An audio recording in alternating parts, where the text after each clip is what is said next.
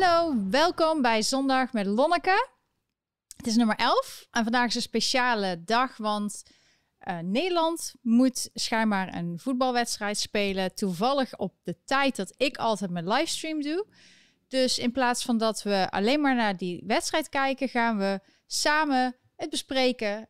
En natuurlijk andere belangrijke zaken die er op dit moment spelen in de hele wereld. En hier in Amerika en bij jullie in Nederland en over de rest van de wereld. Dus ik wil jullie allemaal welkom heten. Dirk is er ook vandaag. Hoi. En Been ligt achter mij. Die zie je waarschijnlijk vandaag ook wel eventjes hoi komen zeggen. Verder, ik heb lekker verse kersen, want uh, als snack... Ik vind altijd dat je gezond moet eten. We hebben het altijd over burgers en pizza voor de mensen die vaker kijken. Maar um, ik, ik, probeer ook heel veel gezond te eten. En de kersen zijn nu in seizoen, dus ik heb lekker een bakje kersen. Ik heb er al wat op. En ik ben zelf, uh, de wedstrijd kan ik niet verder live volgen, behalve dan dat ik dus een YouTube-versie zie waar ze het hebben uitgebeeld.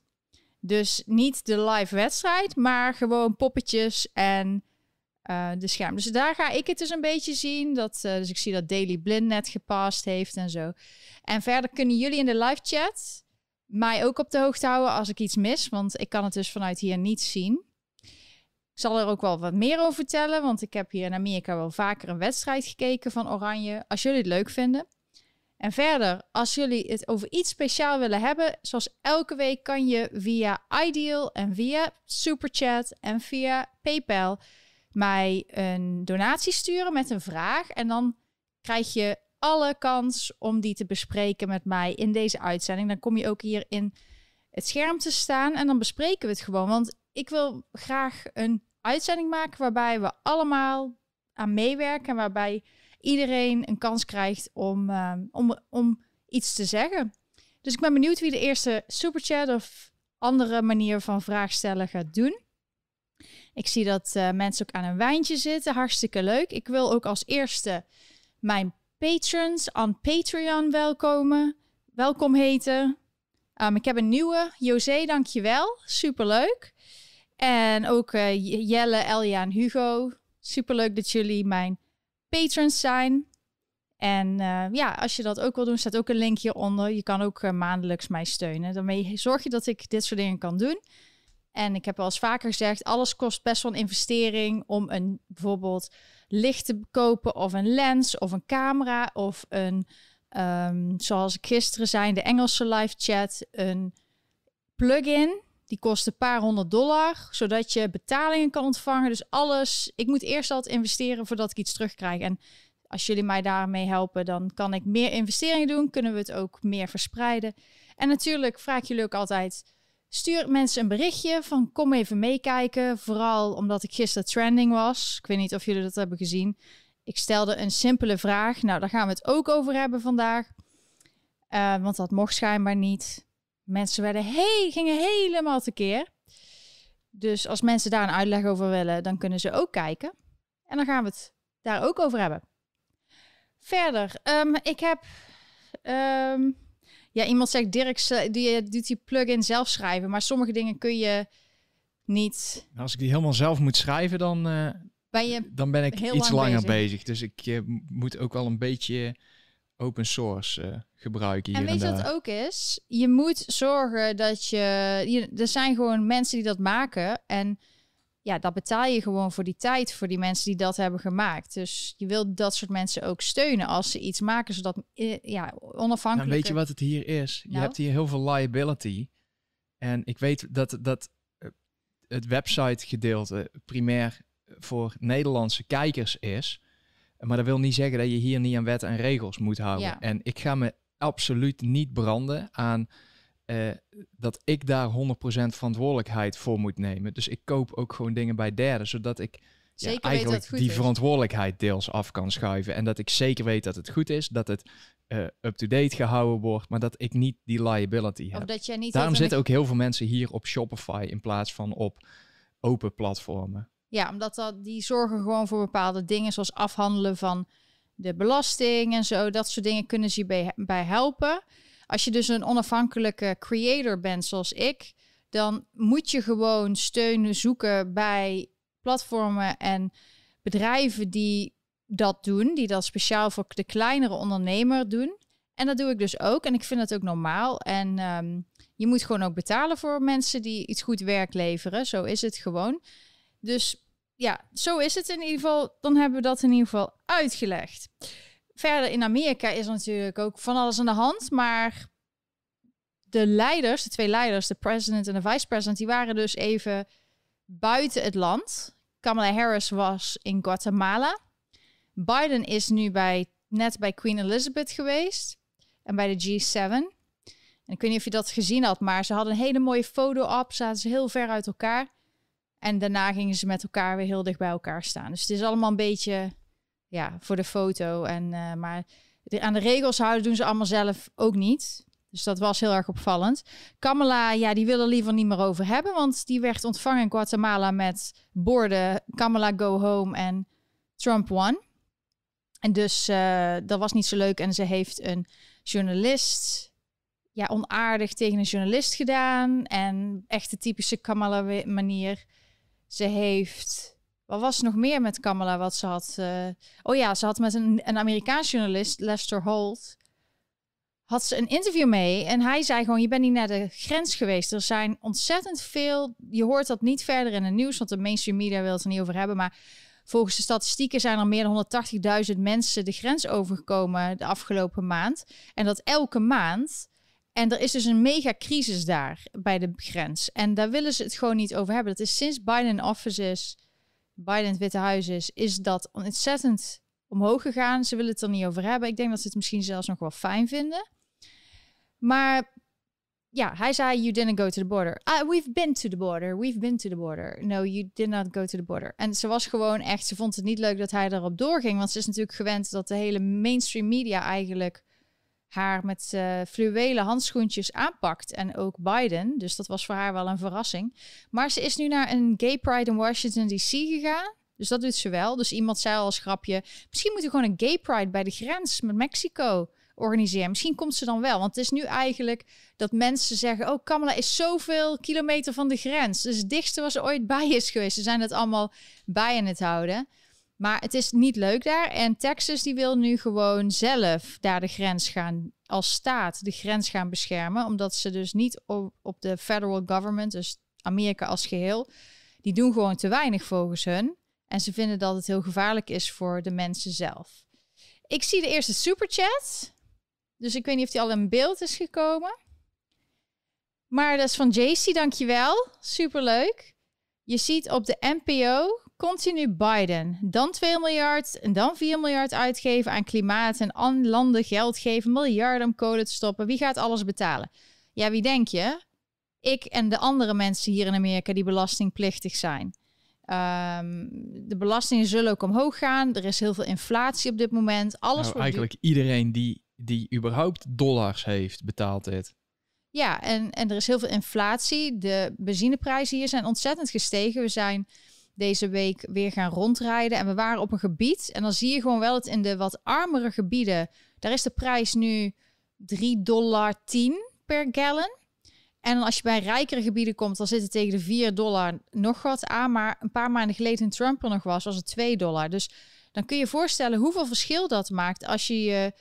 Hier rijden mensen heel veel auto, omdat het zo'n groot land is. Als je ineens tientallen dollars meer moet betalen, dat betekent gewoon dat je een paar dagen voor sommige families dat ze geen eten hebben of dat ze bepaalde andere zaken niet kunnen. Ja, maar dat maakt niet uit, want dan ga je gewoon een vaccinatie halen en dan krijg je 50 dollar.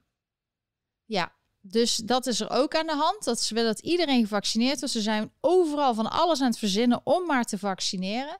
Wij waren van de week uh, aan het rondrijden. Laat de video maar zien. Daar gaan we er sowieso over hebben. Maar um, overal, zelfs bij het New York Aquarium. Dus dat is gewoon een, ja, bij het theme park in um, heet dat nou? Ik ben even de naam kwijt. Waar waren we nou gisteren? Coney Island. Coney Island. Eergisteren. Overal, bij leuke dingen, is er een vaccinatiecentrum. Dus dan kun je even naar de dolfijnen kijken en naar een prikje halen. Maar wat wij doen hier, vooral in New York City, is wij wandelen heel veel. Zodat we heel veel zien. Echt elke dag zie je de meest bizarre dingen. Gisteren bijvoorbeeld was er Hare Krishna Ik had daar ook nog wel video's van kunnen laten zien, maar die krijgen jullie nog te goed volgende week. Ben ik vergeten. Er is zoveel vandaag te vertellen. Dat, ehm, dat ja, ehm, we gaan het gewoon even de video laten zien. Het is dus Pride maand hier in Amerika. Dus niet meer een dag of een week. Nee, het is een hele maand. Alle winkels hebben van alles met Pride. Er zijn heel veel uh, lesbiennes en gay people die rondlopen in de meest extravagante outfits. Nu zie je hier het strand en Coney Island. We wilden dat gewoon een keer zien. Nou, eigenlijk was het toeval, want we wilden naar het strand. Ze zeiden, hey, Coney Island, laten we erheen gaan. Konden we parkeren onder de rollercoaster. Er is eens een rollercoaster. Er zijn gewoon parkeerplekken. Dus als het niet zo druk is, dan kun je daar gewoon parkeren. Nou, wij parkeerden de auto. Been helemaal in shock, want die schrok zich kapot toen die, die rollercoaster, die achtbaan voorbij kwam met allemaal mensen gillend erin. Nou, de boardwalk was super lekker weer. En uh, je kreeg dus gewoon het gevoel, maar het was niet zo heel druk, maar alles was open. Dus ja, we kregen een goed idee. En we hebben gewoon geluk dat we heel vaak op vrijdag dingen gaan doen. En dan heb je toch een leuk uitje, zonder dat het zo druk is. We hebben ook uh, worsten, hotdogs geprobeerd. Beroemde Nathan's hotdogs. Is al sinds 1912 daar echt een bekende naam. Dit is de achter- of bij de boardwalk uitgang. Ook hier tijdens Sandy in 2012 zijn ook bij de Rockaways, dat is ook een strand daar, en bij Coney Island zijn heel veel plekken en heel veel boardwalks zijn gewoon kapot gegaan. Um, sowieso met hurricanes is er vaak veel damage. Dus uh, ze hebben het vaak moeten het opnieuw opbouwen.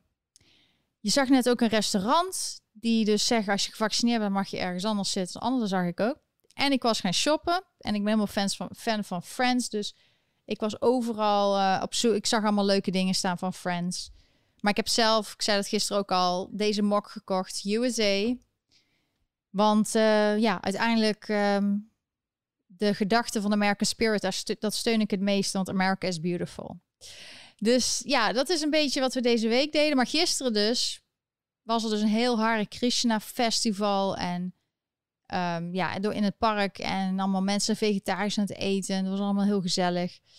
Dus, maar ondertussen is het s'avonds en de dag daarvoor was er daar weer iemand, uh, ja, met een slash, zo heet dat, met een mes, uh, ja, aangevallen. En um, de politie moet er heel erg optreden. En elke avond is er om tien uur een avondklok, omdat het de afgelopen tijd heel erg uit de hand is gelopen. Maar om jouw antwoord te geven op jouw vraag, wie gaat dat betalen? Nou, iedereen die dus dollars heeft. En wij allemaal, alles wordt duurder. De inflatie van alles, van het hout. Ook als je heel veel huizen hier zijn gebouwd van hout. Dus mensen die normaal een huis aan het verbouwen waren of aan het bouwen waren, die hebben heel veel hout nodig. Ja, het is heel raar om te zien. Je denkt dat de meeste gebouwen van steen zijn. Nee, als je rond gaat rijden, heel veel huizen zijn gewoon van hout. Gewoon houten panelen. Zelfs appartementencomplexen zijn van hout. Ja, en dan zie je allemaal houten panelen van dat, hoe heet dat hout? Plywood. Plywood, triplex. persplaten. Persplaten, Multiplex, weet je, persplaten. ja, en dan, en dan hebben ze zo'n gebouw gebouwd. En daarna doen ze het van de buitenkant mooi maken. Maar ik heb die video niet in het videootje gezegd. Maar wij waren ergens ook in een plaatsje in Long Beach. Daar hadden we heel leuk um, geluncht. En um, bij een vegan plekje. We proberen altijd toch wel de gezondere plekjes uit te zoeken. Of in ieder geval waar ze ja, een beetje moeite doen voor het eten. En daar zei Dirk ineens, Hè, hebben ze die muur nou van, wat was het? Van piepschuim? Hadden ze gewoon een muur. Een muur van, piepschuim Dus dan hebben ze gewoon de binnenkant is piepschuim. En dan doen ze er iets omheen. En dan doen ze er een cementlaag omheen. Dus dan lijkt het net een muurtje. Maar het is gewoon piepschuim. Dus ja, sommige dingen zoals New York is er bijna niet in New York City. Maar de buiten... Piepschuim met pleisterwerk. Ja, met pleisterwerk. Maar dat is dus... Uh... Ja, dus het is bizar wat je soms ziet. De craftsmanship Ja, hier. sommige dingen is heel mooi. In New York doen ze de oude gebouwen heel mooi opnieuw alles. Uh, ja, als er bijvoorbeeld een. Ik ga dadelijk toch de muren van dit gebouw eens uh, controleren voor de zekerheid dan. Waarom? Om te kijken of wij ook in de piepschuim zitten hier.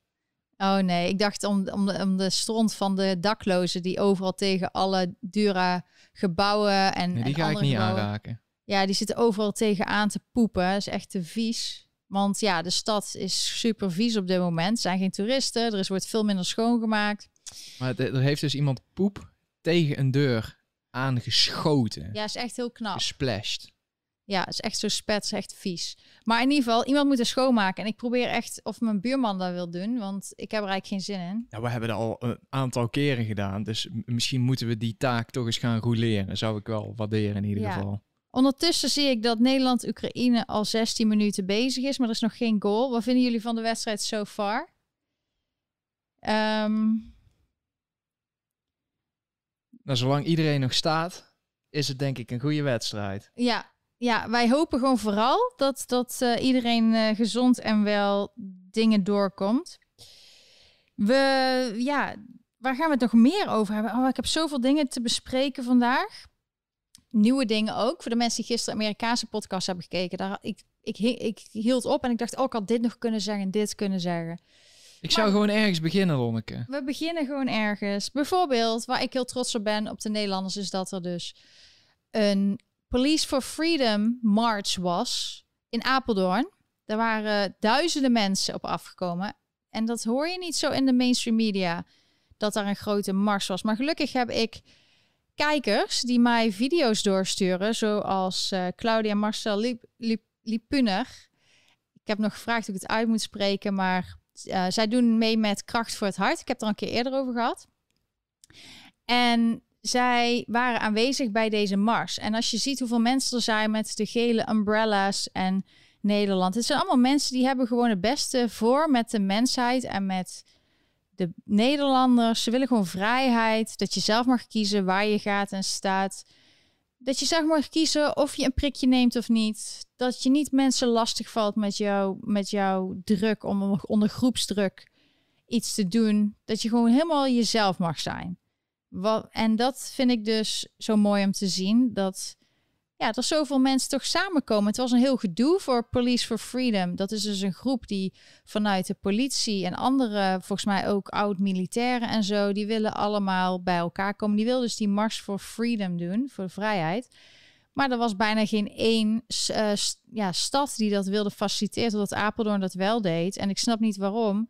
Want het is gewoon, een, als, je, als je mensen wil hebben die vredelievend zijn, dan zijn zij het wel. Want als je bijvoorbeeld dat Extinction Rebellion en zo ziet, wat ze weer deden, die gaan echt midden op de weg zitten. En dan gaan ze boos worden als ze bijna overreden worden. Maar zoals je ziet, geen probleem. En als er geen ME is die mensen in elkaar slaat, politie, ja, dan, uh, dan is er geen probleem. Maar we moeten opletten, want het is nu even rustig omdat Rutte en Kaag, je weet dat er in Nederland nog steeds geen coalitie is. Het is allemaal onzeker, er is heel veel gedoe. Omzicht, groot nieuws. Omzicht, Pieter Omzicht heeft zijn lidmaatschap opgegeven. En dit is natuurlijk heel slecht voor het CDA, maar heel goed voor Pieter en voor alle mensen die hem steunen en voor eerlijke, eerlijke politiek. Dus dat het zou fijn zijn als nou ook alles uh, naar buiten komt. Een deel is blijkbaar dus al gelekt, maar uh, ik kan me niet voorstellen dat er niet nog meer aan ten grondslag ligt. Maar omdat het dus allemaal onzeker is en, en Rutte is geen premier, dat is ook een reden vanuit hoe ik het zie dat er nu ook geen druk op die protesten wordt gedaan. Want dan komen ze helemaal slecht de, uh, erop te staan. Omdat, ja, uh, Rutte heeft al niet zoveel steun voor alles wat hij heeft geflikt. Dus als dan ook nog de politie en ME weer allemaal die demonstraties zo aan gaat vallen en die mensen gaat aanvallen, dan staan ze er ook internationaal heel slecht op. Dus dat komt er sowieso nu even niet uit. Dus daarom is het rustiger. Maar dat betekent niet dat je dan op moet houden. Je moet gewoon door blijven gaan. Want Um, het is sowieso gezellig wat ik zie, maar het is ook belangrijk dat je je stem laat horen. Want als je het niet doet, dan veranderen er dingen die, je, die niet goed zijn uiteindelijk voor jullie en voor ons. En dan is het daar te laat. En dan is er zo'n groot netwerk opgezet die je als een klein groepje niet meer kan doorgronden. Dus het is nu de tijd. Het is nu of nooit. En op een rustige, eerlijke manier gewoon je stem laten horen. Dat is gewoon heel belangrijk. Maar wat ik gemerkt heb, is dat er ook Nederlanders zijn die helemaal gek worden. Die zijn helemaal geïndoctrineerd. Kunnen niet meer zelf nadenken. Want wat gebeurde er nou? Ik weet niet of jullie de wedstrijd hebben gezien. Of ja, waarschijnlijk hebben jullie dat wel uh, gezien. Dat uh, Eriksen, een voetballer van het Deense team, die ging neer. En als ik dat zie, en dat heb ik bij elke voetballer, ook bij Nouri, ook bij al die voetballers die neergaan, dan het eerste wat ik denk is iets wat wij zelf hebben meegemaakt, wat Dirk heeft meegemaakt, een hartstilstand. En ja, dat, dat denk je als eerste. En bij Dirk was er een hartstilstand door myocarditis. Dat is een ontsteking van het hart, de hartspier. Dat komt voor. Dat kan voorkomen met de griep, met allemaal ziektes. Dat kan voorkomen ook bij vaccinaties, dat weten ze. En dat is nu ook in het, nieuw, in het nieuws. Toevallig een dag daarvoor, allemaal in het nieuws hier in Amerika en over de hele wereld, dat ze onderzoek aan doen zijn, omdat er veel meer melding, meldingen zijn. En die meldingen, dat is maar een een druppel op de gloeiende plaat. Want we weten gewoon dat veel mensen niet het misschien zelf niet doorhebben of niet linken, maar dat de uiteindelijke aantal zaken veel hoger ligt. Dat maar per paar procent is die daadwerkelijk het meldt, of de dokter het meldt. Dus het is veel groter. En in de CDC hier in Amerika, die is zelfs bij elkaar gekomen of gaat bij elkaar komen. En die wil, um, ja, die willen dus je hebben een emergency meeting hier ja, over. En die willen het daar dus over hebben. Dus dat was een helemaal geen rare vraag. Dat is het eerste wat ik dacht toen ik dat zag. Oh nee, weer een voetballer neer, weer een jonge man. Want het lijkt ook dat jonge mannen het meer raakt. Bij Dirk was dus niet de, de die, uh, die, die, dat vaccin wat ze nu gebruiken, was het een, door een tetanus Tdap uh, prik. En um, daar, ja, dat een is... booster, een tetanus booster, ja. tetanus difterie kinkhoest. Ja, en uh, je hebt tien jaar geleden ook die gehad. En toen had je eigenlijk dezelfde symptomen. En toen hebben ze in Nederland niet adequaat. Je hebt en toen had ik uh, problemen met mijn lever en mijn nieren. En toen zei ze, jij hebt een burn-out. Maar als maar je nu terugkijkt... Uh, ja, hier, hier denken ze dat dat... in Amerika denken ze dat dat gerelateerd is. Je hebben mijn, ik heb mijn hele Nederlandse dossier opgevraagd. Hun hebben dat bekeken. en hun denken dat daar een relatie zit tussen die TDAP-prik en uh, de klachten die ik heb ontwikkeld. Ja, je had dus tien jaar geleden had je dat al een keer. En nu had je dus weer een booster. En toen kreeg je hetzelfde. Dus dan, dan, dan kan het niet meer toeval zijn. En um, als je het ook uitrekent en de ontwikkeling van hoe het ging met jou. Dus allemaal gewoon, uh, zeg je dat, precies volgens het boekje, volgens de wetenschap. Maar als mensen zeggen, um, het is, je bent geen dokter, je bent dit en dat. Nee, we hebben het gewoon ervaren. Dus dit is onze ervaring. Dan mag je zelf bepalen wat je ervan Ik garandeer je, als je in een, in een uh, subway eh, dood hebt liggen gaan... en je ligt dan op de intensive care... je hoort vervolgens dat je, een, dat je nooit meer mag sporten... dat je een, een batterij in je rug gepropt krijgt... dat je toch wel het nodige leeswerk doet... omtrent hetgeen er met je gebeurd is. Dus uh, ik ben geen dokter, jij bent geen dokter... Maar het is niet zo dat ik een volledige leek ben op het gebied van myocarditis, eh, eh hartspierontsteking eh, en ritmestoornissen. Je hebt gewoon alle wetenschappelijke documenten door. Ik wil wel weten waar het aan ligt. Aangezien ze hier gewoon heel open zeggen. Hier hebben ze ook gezegd dat ik absoluut geen uh, vaccin mag hebben. Daar heb ik een wever voor. Die heeft de overheid, hebben, die ook, die heeft, hebben ze geaccepteerd. Ook al op het moment uh, toen uh, ik mijn green card ging aanvragen. Uh, in Nederland ontkennen ze bij hoog en laag dat het daaraan ligt, behalve de uh, zusters. Ja. Dus daar zit ook nogal, uh, nou die zeggen dat daar een onderzoek naar loopt, maar dat het waarschijnlijk het daglicht nooit gaat zien. Dat vind, vind ik gewoon heel wel. kwalijk. Ze weten het eigenlijk. Vooral jonge mannen moeten gewoon meer opletten volgens hun. Ja, en dan, dan, dan weet je dat gewoon en dan hou je er rekening mee. Is toch geen probleem. Maar waarom mag het niet over gepraat worden? Heel raar. Dus ik tweette gewoon een oprechte vraag aan Bart Nijman van Geen Stijl. Ik zie een foto, hij gaat neer. Dus hij wordt gereanimeerd. Nou, het eerste wat ik denk, oh jee, een jonge man. Zelfde, volgens mij dezelfde leeftijd als Dirk, dat Dirk het kreeg. Heeft hij het vaccin gehad? Uh, want het eerste wat ik bij me opkomt is myocarditis. En ik was gewoon verder te huis aan het opruimen. Ik was de was aan het doen of zoiets. En ineens zie ik een berichtje van die Bart Nijman. Nou, je hebt een leuke avond. En met een screenshot met wat voor verwensingen ik naar mijn hoofd kreeg. En mijn bedoeling was helemaal niet... Het was gewoon een vraag. Dus ik had helemaal niet het idee dat het zo heftig was, dat mensen zo heftig reageerden. Je moet voorstellen, ik zit ver weg in Amerika. Ik zie een foto voorbij komen. Dus ik gewoon een vraag, heeft hij dat gehad? Ten eerste, nee, laten we daar even later over hebben. Um, dus, dus ik was verbaasd. Nou, niet normaal wat mensen zeggen. Verschrikkelijk. Doodwensingen, verwensingen. Mensen die kanker dit, kanker dat. Echt, ik schaam me kapot voor die mensen. En uh, nou bleek dus dat, um, ja, ik had dus gewoon een vraag en ik ben gewoon mijn eigen persoon en ik heb wel een bepaalde achternaam, maar dat betekent niet als iemand anders dezelfde achternaam heeft dat, dat, dat die, die zegt dingen op zijn eigen, nou, hoe zeg je dat op zijn eigen titel en ik zeg dingen voor mij, maar dan blijkt dat mensen mij discrimineren omdat iemand anders iets zegt. Dus uh, dat is eigenlijk gewoon ja, discriminatie dom, op basis dom, van... Dom, dom, dom, dom, dom. Ja, Dirk die, uh, die denkt altijd dat als hij dat ziet. Maar ik vond het wel fijn, want ik denk, oh, al die mensen. Dirk, kun je die tweet laten? Of heb je die al? Die heb je al, hè?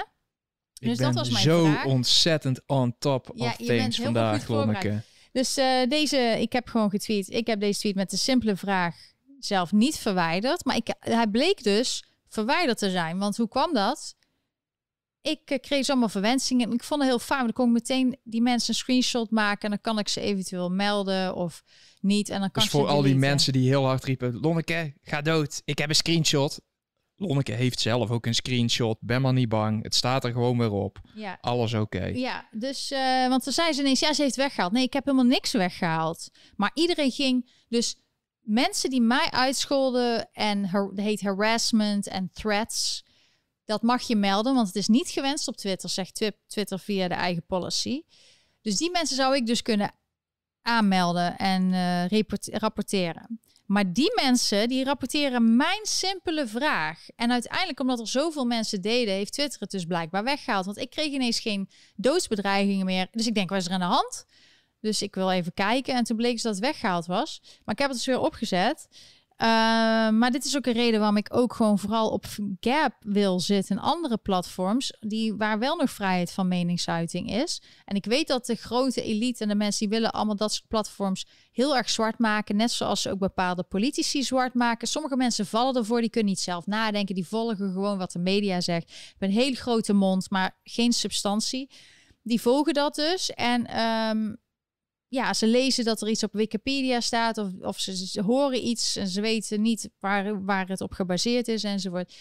Maar um, ik merk zelf dat daar gewoon wat aardige mensen zitten en dat je dit soort rare, idiote dingen niet meer ziet. Want het is dus gewoon de wereld op zijn kop. Ik stel gewoon een simpele vraag. Ik wil gewoon een ja of nee antwoord. Nou, ik heb gisteren het idee al geopperd in een plaats van uh, Trump en andere mensen te bannen van Twitter, om gewoon Twitter te bannen. Want ik heb gisteren, ik kijk echt vrijwel nooit op Twitter. Uh, want ik vind het best wel dom. En ik moet heel eerlijk zeggen, de ratio slimme en domme opmerkingen, die is volledig uit het verband. Dus ik zie heel eerlijk gezegd absoluut niet de toegevoegde waarde van Twitter. Ik denk als er, uh, iets, als er iets in de buurt gebeurt, dan wel. Maar daar hebben wij hier inmiddels al uh, Citizen voor. Uh, dus voor mij mag het knopje daar uit. Want in mijn ogen zit er echt alleen nog maar, uh, of alleen nog maar, het grootste deel gewoon totaal achterlijke imbecielen op. Ja, dus als je naar die tweet eh, naar beneden scrolt, dan zie je dus dat ik, ik, dat ik zeg dat ik het wel fijn vond om te zien precies welke mensen wel voor zichzelf kunnen nadenken. En daarna heb ik dus nog steeds de vraag, die is niet beantwoord. Het zou fijn zijn als Eriksen zelf eventjes, omdat iedereen heeft die vraag. Ik durf het gewoon te stellen. Ik stel gewoon de vragen die, waar veel mensen over nadenken. Heel Europa, iedereen die die wedstrijd heeft gezien, een groot gedeelte van de mensen vraagt zich af: is hij nou wel of niet gevaccineerd? Waarom? Omdat er al maandenlang een campagne is. Je kan de tv niet aanzetten of het gaat over, over of iemand een prik heeft gehad of niet. Uh, het wordt overal moet stoer. Die heeft het, die heeft het foto en trots allemaal. En dan willen ze er allemaal over hebben als het leuk is. En kijk eens zo goed en blij en we doen het voor een ander. Maar nu is het dus een relevante vraag, omdat een hartstilstand kan veroorzaakt zijn door myocarditis. En myocarditis zijn meerdere redenen dat je myocarditis kan krijgen, waaronder dus corona. Maar het grappige is, er was dus iemand schijnbaar bij zo'n voetbalprogramma en die uh, dus een dokter is en die zei dus ja, het kan een symptoom zijn van een infectie met COVID. Dat mag wel, dus je mag het wel um, speculeren of, of hij het heeft gehad of niet, COVID, ja of nee. Uh, want dat klopt. Dat, dat net zoals andere virussen kun je myocarditis ook krijgen. Ze noemen dat ook allemaal long COVID en zo. Dus je kan heel veel dingen zoals myocarditis krijgen. Dus ontsteking van de hartspier. Iets. maar is nou ook heel, heel dat draadje daaronder ook weg? Dus ook al die, die hoogst intelligente input op jouw uh, vraag, die is, dat is ook allemaal weg. Um, ja, ja, ik heb heel dus veel. Dus ik kan die intelligentie met niemand delen op dit moment. Nee, want als jij God, als iemand iets geantwoord heeft op een tweet, dan is dat ook meteen allemaal volgens mij weg. Tenzij je die tweet per se vindt. Maar in ieder geval, er zijn dus verhalen dat hij, op, uh, dat hij al een vaccin heeft gehad en andere weer niet. En het, het, dus er wordt geen antwoord gegeven. De ene zegt van wel, de ander zegt niet. Dan worden er ook alles wat ermee te maken heeft van uh, social media afgehaald. Maar het is de grootste vraag, want als je ziet hoeveel mensen erover hebben, ook in andere talen. Um, ik zag uh, een, een um,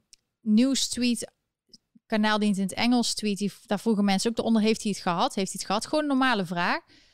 Dus je mag wel vragen, heeft hij COVID gehad? Maar je mag niet vragen, heeft hij vaccin gehad? Oh, dan flippen mensen. Dus de, er is de hypocrisie dat ze allemaal wel trots op tv zijn. Ik kijk, ik heb dat, uh, die prik gehad. Maar je mag het dus niet als er dus iets gebeurt waarvan een van de mogelijkheden is een uh, prik. En als dat niet zo is, kun je dat afstrepen. En iedereen die erover nadenkt, heeft dan meteen zoiets. Oh, don't worry, het is dat zeker niet, want heeft hij zeker niet gehad. Maar we hebben nog steeds geen uitsluitsel. We weten het nog steeds niet. En wel, hij heeft blijkbaar zelf gezegd dat hij niet gevaccineerd is. Wanneer dan? Wanneer is dat In nieuw? Een uh, WhatsApp-bericht naar de uh, spelers. Oké, maar ik verwacht nog steeds, want luister, je hoort van alles, want hetzelfde als het ene bericht zegt dat hij wel is. Hij, uh, hij moet gewoon een verklaring geven dat het niet... Gewoon de medische staf van, van of het uh, Deens elftal of van Inter, gezien hij uh, bij Inter heel het traject heeft doorlopen en bij Inter blijkbaar bijna iedereen wel Ja, er was een andere is. voetballer die ook een ineens zware... Ja, maar waarom kunnen ze niet gewoon simpel met een verklaring... Heel internet ging los, heel Twitter stond vol met dat soort dingen en niemand zegt iets. Nee. Heel raar. Maar dus, dus uh, ja, de, de, de bel gaat hier ineens. Maar we hebben dus. Um, we hebben dus. Weet je wie het is? Oh, ik krijg nog een cadeautje. Morgen ben ik jarig, dus uh, ja, ben benieuwd. Maar even terug te komen. Um, het zijn gewoon hele normale vragen. Dus als hij gewoon even zegt: nee, ik heb geen uh, COVID gehad en ik heb ook geen prik. Gewoon hij zelf, niet een arts. Want de ene arts zegt dit, de andere arts zegt dat. Niemand weet hoe hij is. Gewoon zijn zaakwaarnemer, zijn, die zijn belangen behartigt. Die moet gewoon dat doen. Heel veel mensen denken erover, zeker in deze tijd, dat iedereen het over de vaccin heeft. Ook omdat het allemaal in het nieuws is dat, dat er nu onderzoek naar gedaan wordt.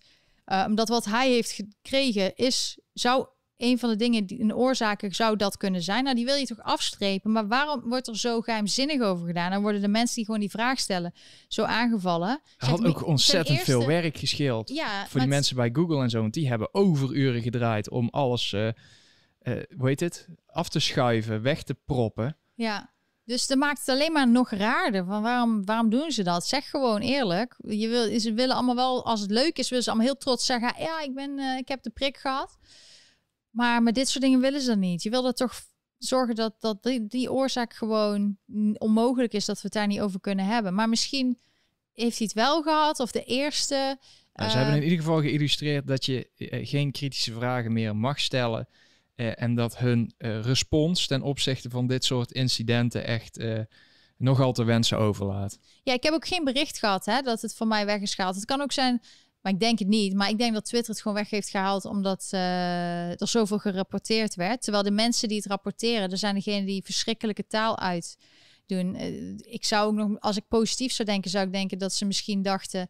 We gaan uh, Lonneke beschermen tegen deze haat en deze verschrikkelijke mensen die zo praten. Maar ja, in deze tijd mag dat wel. Maar je mag geen kritische vragen doen. Maar ik blijf dat gewoon doen zolang het gewoon kan en uh, ik uh, gewoon binnen de kaders. En hoe groter je kanaal wordt, zal het moeilijk worden. Maar dankzij jullie steun gaan we door links of rechtsom. Er zijn nog andere manieren. Kijk, de reden dat op YouTube zitten is omdat YouTube gewoon... Die heeft een heel, uh, ja, behind the scenes gewoon iets opgezet waar het voor mij heel makkelijk is om deze livestreams te doen. En ook de mogelijkheid voor superchat, zoals JC net als eerste deed dat je dat, dat soort dingen zorgt er gewoon voor dat ik dit kan blijven doen. En als de anderen zijn ermee bezig, de andere kanalen, maar die kunnen nog niet op dit niveau. Dus dan, ja, je moet ook niet je deuren dicht doen als andere mogelijkheden er nog niet zijn, want dan snij je jezelf in de vingers. Dus je moet gewoon wel doorgaan.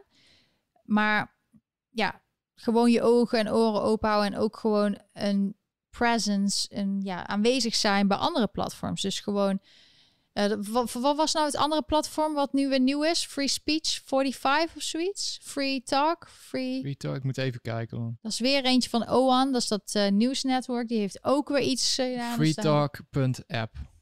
Freetalk.app?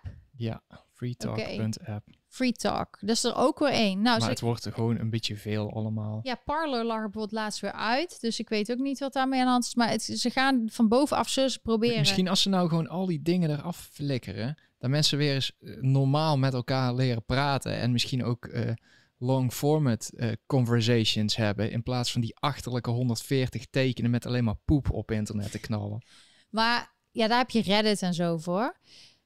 Maar het is gewoon goed, iedereen probeert het gewoon. Hè? Je probeert, die proberen gewoon nieuwe platforms op te zetten. En de big tech zal proberen die tegenstanders of over te kopen. Net zoals bijvoorbeeld Facebook, Instagram heeft gedaan. Als ze te groot worden, dan gaan ze zoveel geld bieden. Nou, en dan moet je heel sterk in je schoenen staan om daar niet voor te vallen. Sommige mensen vallen echt voor money en fame. Hetzelfde ook met die, met die prik, dat uh, groepsdruk. Als ik weet hoeveel mensen mij bericht sturen van dat ze maar onder druk zetten van je moet dat doen, je moet dat doen. Het is je eigen keuze of je doet. Tuurlijk weet je dat er risico is. Allebei is er een risico. Er is iets op ons afgekomen. We hebben daar niet alle informatie van, want we krijgen van de mensen in charge niet alle informatie. Dus je moet er gewoon voor jezelf goed onderzoek doen en dan een, een, een beslissing maken. En zeker als er kinderen, want zie je in Amerika gaan ze al kinderen vaccineren. En als je dan gewoon goed bedoelt, zoals ik bij een uh, bekennis van mij, ik zag dat, ik schrok me kapot, een foto van een kind met zo'n arm zo, weet je, van kijk stoer, ik heb uh, de prik gehad. Dus ik zeg, ja, alsjeblieft hou hem in de gaten de komende weken. Zorg dat hij zich niet te druk maakt of wat dan ook, dat hij niet rare, ja, sporten of zo. I didn't ask you for advice. Ja, die was meteen op, ja, dat pik getrapt. Um, want je weet tegenwoordig nooit wat iemand tussen zijn benen heeft hangen. Nee, maar... Uh, Nee, ze, ja, maar ik had dan zo de keus van, oké, okay, dat is een kind, dus die weet niet wat hij kiest. Dat, daar moeten ouders kinderen voor beschermen. En ja, als er iets gebeurt en ik heb niks gezegd, dan voel ik mezelf veel rot. Benen er even bij gaan liggen, hier, deze kant. Die vindt het allemaal, uh, ja, veel gepraat. Maar um, ja, ik, daar kies ik er gewoon voor. Mensen zeggen wel eens, je moet dingen niet zeggen. Maar dan kies ik gewoon voor is het nou dat is ook bijvoorbeeld met die vraag. Ik heb die vraag gewoon, dus ik stel die gewoon. Ik ga niet nadenken, oh, mag ik dat wel zeggen? Of nee, ik ben gewoon een vrij persoon. I'm a free thinker, noem ik mezelf altijd. En ik zeg al tegen mensen, think freely. Dus vrij denken is belangrijk. En een vraag stellen mag altijd. En als iemand daar boos over wordt, dan ligt dat vaak aan die persoon. En als jij gewoon een eerlijke vraag stelt, gewoon van, heeft hij iets gehad? Of wat dan ook Waarom worden mensen zo boos? Zou je niet willen? Iemand had een goed uh, stuk.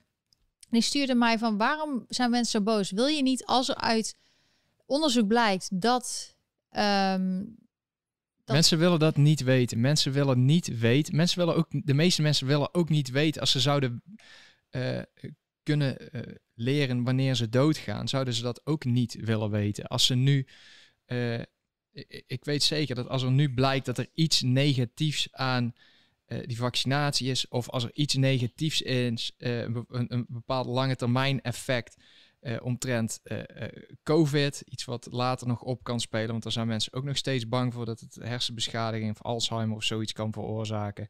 Ik denk dat heel veel mensen dat niet willen weten.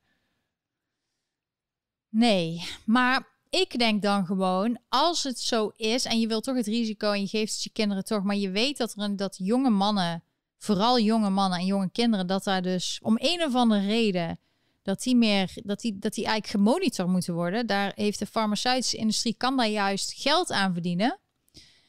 Door misschien extra controles of wat ook. Nee, ze willen iedereen gewoon dezelfde prik geven. Ook niet eens speciaal per persoon. Net zoals alle medicijnen worden toch altijd precies op een persoon aangepast.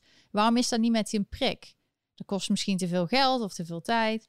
En, maar dat zou wel het beste zijn. Dan kun je ook geld aan verdienen. Dus als je dat weet en je wilt toch dat die, dat die prik gewoon veilig is voor iedereen, dan wil je toch gewoon dat hardop zeggen en dat die mensen wat beter begeleid worden. Want het punt is vooral, ook met griep of zo, mensen moeten gewoon weten, en dit is gewoon iets wat je moet weten, als je ziek bent, heel vaak kan je hartspier ontstoken raken. Dat is gewoon bekend. Bij wat voor ziektes ook. Dus als je je niet lekker voelt, moet je gewoon niet naar de.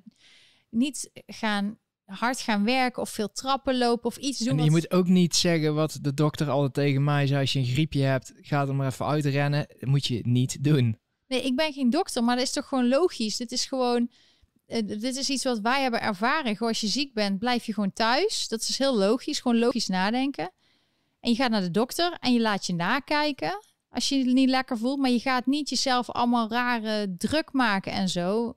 Gewoon even lekker rust. Geef je hart wat. Hier zeg, geef ze altijd disclaimer van uh, dat je het even met je uh, dokter moet overleggen. Dat wij geen uh, medisch advies geven. En dat doen we ook absoluut niet. Maar je moet af en toe ook zelf even nadenken. En als de dokter tegen jou zegt, ren het er maar uit. En jouw lichaam schreeuwt van ga in bed liggen. Ga dan alsjeblieft gewoon in bed liggen. Ja, dus dit is puur vanuit onze ervaring van wat de consequenties zijn als je niet goed voor jezelf zorgt. Maar dit is ook met de hele COVID en zo heel logisch. Je moet gewoon voor jezelf zorgen. En het is gewoon common sense, gezond verstand, common sense, gezond verstand zoals je oma en opa dat vroeger ook jou geleerd hebben. Um, ja, het is gewoon, en wat wij zeggen is gewoon uit wetenschappelijke onderzoeken komt dat gewoon. Dus als je die leest, dan weet je dat gewoon. Maar heel veel mensen hebben er geen tijd voor om die onderzoeken te lezen. Dokters zelfs niet. Hè. Er zijn zelfs mensen die dus een medische opleiding hebben. Die weten bijvoorbeeld niet dat myocarditis, dat dat bekend is. Dat er wetenschappelijk onderzoek naar is. Dat dat door de griep en andere dingen kan komen. Maar ook door vaccinatie. Dat weten ze gewoon niet. Of ze vinden dat... Maar dat kwam bij mij ook pas drie dagen daarna. Drie of vier dagen daarna. Eh, kwamen ze daar pas mee aanzetten. Maar normaal, als ik het had gezegd... En al die had, ik had op zich misschien nog wel mensen op gedacht dat ze zo raar zouden reageren. Maar het is gewoon een dag van tevoren, voordat dat met Eriksen gebeurde, is het in het nieuws. Zelfs in mainstream media, omdat het zo erg is, is het in het nieuws. Dus er staat gewoon, je kan één zo'n ding van CBS, kun je laten zien. Artikel van... Uh, heb ik net al laten zien. Oh, heb je al laten zien. De CDC, myocarditis, dat dat een bijwerking kan zijn. En mild. Dus ja, dan kun je zeggen het is rare, het is rare. Maar en misschien is ook het is maar een klein percentage. Maar je wil het toch gewoon weten dat je daar rekening mee houdt. Hoe moeilijk is het gewoon? Ik wil gewoon dat ik naar een dokter ga die mij alles zegt. Want als je, jij zei gisteren ook, of heb je er nu ook gezegd bij een operatie, dat je alles moet worden nou, je, wat ik heel vreemd vind, is inderdaad dat er bij, bij, een operatie. Hier moet je ook tekenen voor het feit dat er uh, dingen mis kunnen gaan. Ik kan me niet herinneren dat ik dat in Nederland moest doen, maar ze leggen wel uit van er zitten gewoon risico's aan een operatie. Want ik heb in Nederland een ICD-implantaat gekregen. Um, en daarbij leggen ze uit van dit kan er misgaan. Dan moeten we gewoon zeggen, de kans is heel klein, maar. Uh, en tegenwoordig is het zelfs zo dat je apotheek uh, als jij medicatie voorgeschreven krijgt, die zijn verplicht om jou daar uitleg over te geven. Dat zie je zelfs terug op het bonnetje. Daar betaal je tegenwoordig gewoon voor. Maar op het moment dat jij een, een, een prik krijgt, dan staat daar niet iemand met diezelfde uitleg, diezelfde verantwoordelijkheid. Die staat niet uit te leggen wat er allemaal mis kan gaan. Hoe klein die kans ook is. En geen bijsluiter. Zeg gewoon even. Ja, of dat je inderdaad daarna, ik weet niet of jullie in Nederland een briefje meekrijgen. Daarvoor. Je krijgt meestal voordat je medicijn krijgt, krijg je een bijsluiter. Oh ja, die moet je lezen voordat je, ja. en dan is het je eigen verantwoordelijkheid. Ja, ja ik dus heb daar niks uh, over gezien. Dit is ik, Hier hebben we nou al tegen van die hokjes gezien waar je uh, waar je zo'n ding kan halen. En um, er wordt, ik zie iedereen met een hele domme, opzichtige pleister naar buiten lopen, waar ze meteen een selfie van maken. Ja. In veel gevallen. Maar ik zie niemand met een, een, een bijsluiter of een adviespamfletje rondlopen waarbij tips op staan van let hierop, let hierop. Ga niet sporten, hou je even rustig. Dit kan er gebeuren. Helemaal niks. Ondertussen is de wedstrijd nog steeds 0-0. Is bijna, uh, zeg je dat? Intermezzo, pauze. Hoe noem je dat? Um, het is, hoe heet dat in Nederlands? Tussen, hoe heet dat nou in Nederlands? Tussen wedstrijd, het middenstuk. Als iedereen even weggaat. Hoe heet dat nou, Niels? Soms... Het middenveld. Nee. Het middenstuk, de middenstuk? Als je, oh, de pauze. De pauze, hoe heet dat? Heeft dat niet een andere naam? Rust. Pauze, oké. Lunch. Het middenstuk. We hebben wel eens, uh, ja. Maar in ieder geval, iedereen moet het lekker zelf weten. Maar je moet er gewoon over kunnen praten. En nog steeds kan je dus, als je dat weet, kun je er rekening mee houden. Dat is juist goed. Dan zorg je dat mensen net als Dirk, als hij dat geweten. Want in China, geloof ik, doen ze wel bij die prik dat waarschuwen dat je twee weken rustig aan moet doen. Wat had jij gelezen? Wat was ja, ja in, eh, volgens mij in Japan of zoiets, dat je wel echt uh, vrij uitgebreide uitleg krijgt van je moet twee weken rust houden. Als je iets voelt, kom dan direct terug. Dit en dit zijn de gevaren. Dus daar zijn ze iets uitgebreid, iets voorzichtiger wat dat betreft. Dus uh, ja, de wat zei je nou? We hebben even een blackout. Oh my god. Time-out, blackout. Middenstuk, ding. Middenstuk. Nee, wat zei je nou net? Over wat? je net dat ze in Japan wel oh, ja, Japan. Ja, uh, disclosure geven. Dus als je dat had geweten, dan was dit voorkomen. Die dure ziekenhuiskosten en alles was dan voorkomen. En dan had Dirk gewoon rustig aangedaan. Was hij niet uh, gaan fietsen en een brug opgefietst hier. Want jij was aan het fietsen bij de Manhattan Bridge. Ja, dus dan. Uh, ja, en ik zie iemand vragen ook over of het uh, verplicht wordt. Nou, ze willen het heel. Ze doen alles. Ze gaan, Biden zegt ook: we gaan alles doen zodat iedereen. We gaan echt biljoen dollar uitgeven, miljarden om mensen te motiveren om het te doen. En we gaan allemaal dingen geven gratis en alles om het maar te doen. En uh, dan moeten mensen, ja, is het vrijwillig. Maar als je hoort hoeveel groepsdruk ook. Ik hoorde een uh, medisch personeelslid die, die, die onder druk toch een, een, vaccin heeft genomen. En dan hoor ik ook dat bijvoorbeeld die Janssen, of dan hier dan Johnson Johnson en um, AstraZeneca, daar is allemaal dingen over dat die niet goed is. Maar vanaf het begin af aan heb ik het gevoel dat ze vooral die Pfizer en Moderna willen. Dus omdat het RNA-vaccins zijn, die willen ze dan wel. Dus, uh, maar die hebben ook allemaal bijwerkingen en zo. Dus, dus waarom wordt dan de ene wel aangevallen en de ander niet? Weet je, en waarom hebben sommige plekken, hier heb je tenminste nog keuze. Dus je kan kiezen welke je wil. In Nederland heb je dat bijvoorbeeld niet. Ja, misschien nu wel. Maar je moet dus heel sterk in je schoenen staan om te zeggen: nee, dit is. Uh, in Amerika heb je nog wel uh, freedom of religion. Dat je dan uit, uitzondering kan krijgen. Moral objection was vroeger nog. En dat is volgens mij in New York ook al redelijk ver teruggedrongen. Ja, als je dus uh, niet meer uh, wil. Maar in ieder geval New York is echt een kwalijke plek als het daarom gaat.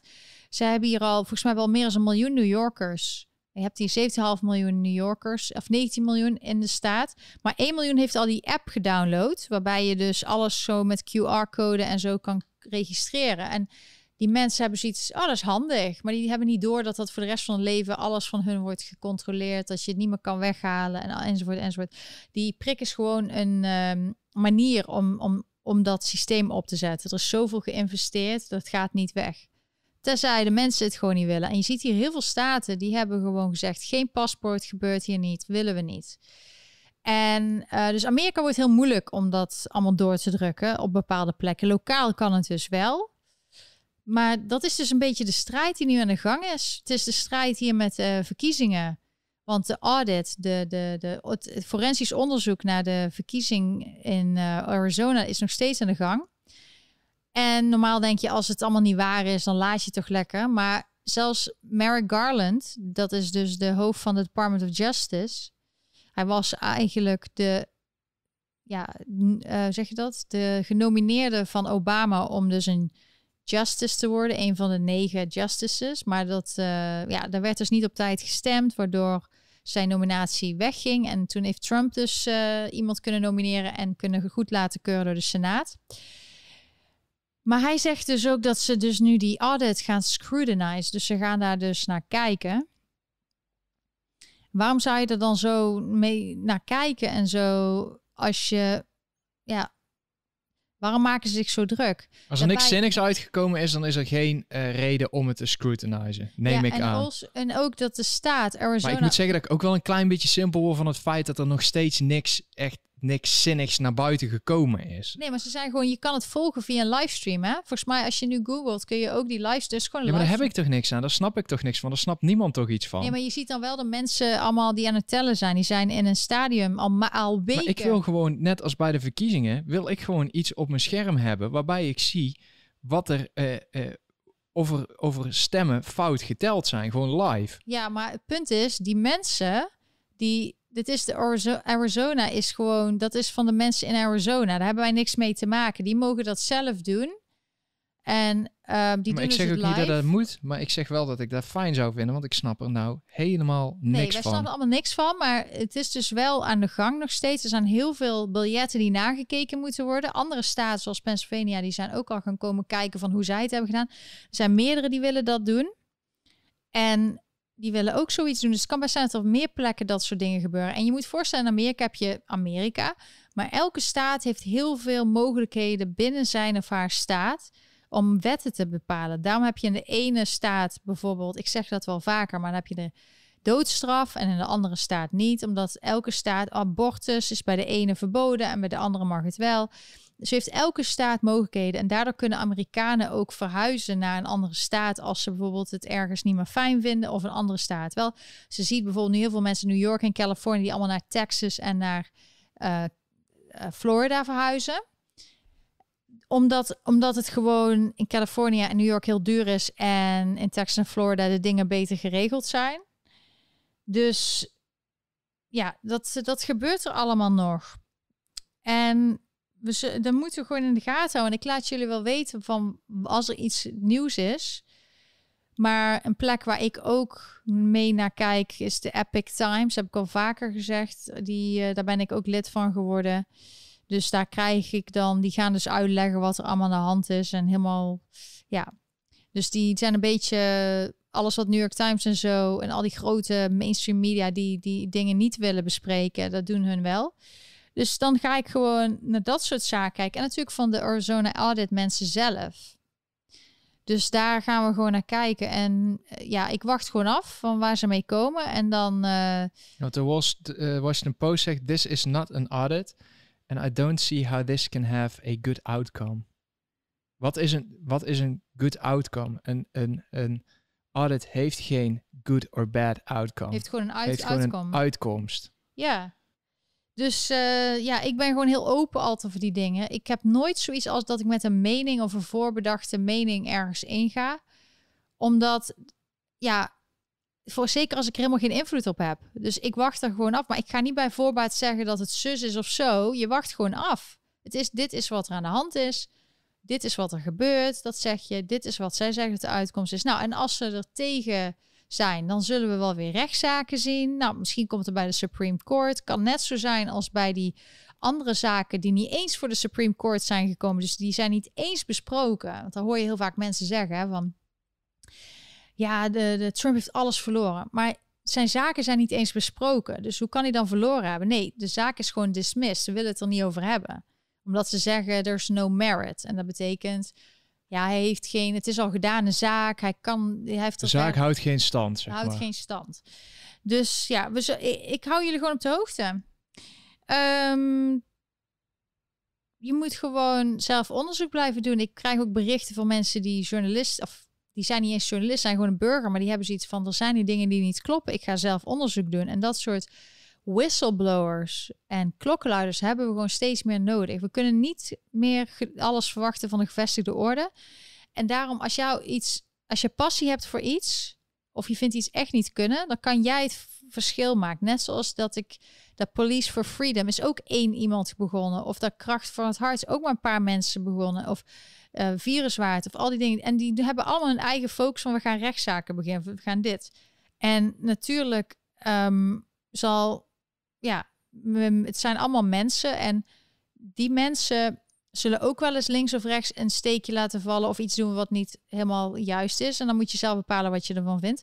Maar het rare is dat die mensen die eens proberen echt uh, dingen te doen voor het beste voor iedereen, voor de burgers, die um, mensen worden aangevallen door, door andere, andere mensen die dan bijvoorbeeld wel Rutte nog steeds steunen. Of Kaag of uh, de jongen die zoveel fouten hebben gemaakt waar zoveel mensen dan aan onderlijden. Zoveel dingen gedaan. En die verdedigen ze dan wel. En bijvoorbeeld dat Hugo de Jonge allemaal dingen beslist over gezondheid, terwijl hij helemaal geen dokter is. Hij is gewoon een basisschoolleraar. Wat is nou het verschil met jij die vragen stelt over dingen of een Hugo de Jonge die jou dingen opdringt? Nou, ik vind dat waarom komt jullie daar geen, veel erger. Ja, waarom komt daar dan geen kritiek op? Ik snap er niet. Ja, wij wel. Dom, wij vinden dom, dat we. dom, dom, dom. Nee, maar hij zegt gewoon dat het net als een frikandel is. Nou, ik vind dat echt de ergste uitspraak ever. Ja, maar hij is zelf net als een frikandel. Ja, maar in ieder geval, hij, eh, nou hoe die doet in ieder geval. Het is, maar die mensen mogen met alles wegkomen en die krijgen zoveel credits. Terwijl andere mensen die misschien, en dat is ook in de politiek, dat je bijvoorbeeld dat iemand anders iets doet en dan worden zij erop aangesproken omdat iemand anders bijvoorbeeld appjes heeft gestuurd of wat dan ook. En dan wordt hij helemaal afgemaakt en er is geen extra credits voor die mensen of Ehm, als je iets niet goed uit de woorden komt en je, gaat er, je geeft excuses voor, dan mag niet. Dan ben je voor altijd afgedaan. En waar is het ook zoiets? Als mensen, ze zijn altijd van, ja, mensen moet je tweede kans geven of je moet echt mensen steunen. Maar soms zijn mensen op social media worden zo kapot gemaakt dat ze al kapot zijn voordat ze, dat ze geen tweede kans krijgen. Ze hebben voor altijd afgedaan. Ze zijn eigenlijk al ja, ze zijn. Oké, maar laten we even kijken. Ze zeggen altijd follow the money. Als we dan Ja. kijken naar eh, de jongen, die als die als die heel met heel veel geluk, als je echt hem helemaal bovenaan inschaalt, dan zou hij ongeveer 70.000 per jaar als basisschoolleraar eh, binnen moeten harken. Ja. Ik denk overigens niet dat eh, veel basisschoolleraren 70.000 eh, e- euro per jaar verdienen. Maar goed, laten we zeggen dat hij echt de, de Superman onder de basisschoolleraren was. En hij, de anders zou hij immers niet hier op deze positie zitten. Dus dit moet wel echt een topper geweest zijn. Ehm, maar nu ontvangt hij op jaarbasis 172.000 eh, en 107 euro. Inclusief eh, vakantiegeld en eindejaarsuitkeringen. Is wel bruto, hè? Ehm, dus zal, het zal Hugo de Jonge toch allemaal wel rotten, waar mensen zeggen. Die pakt gewoon een ton meer per jaar. Ja, dat doet, ja, er zijn mensen die doen alles voor het geld. Hij vindt het helemaal leuk en had die tijd van de lockdowns niet willen missen. Maar die krijgt dan alles, credits, alles wat hij zegt, alles wat hij doet, dat mag. En daar wordt hij niet op aangesproken door de media en door de grote deel van Nederlanders. Maar mensen die dus een vraag stellen of ja, bepaalde dingen zeggen. Ja, dat wordt dan voor altijd gezegd. Dus die, dat, dat, dat is gewoon, eh, ja, dat is een crimineel is gek. In ieder geval, die mensen zelf zijn het probleem. En zij gaan naar bed elke avond met dat zij zulke slechte gedachten hebben en intenties. En dat zij eh, zo zichzelf laten kennen, want dat is het gewoon.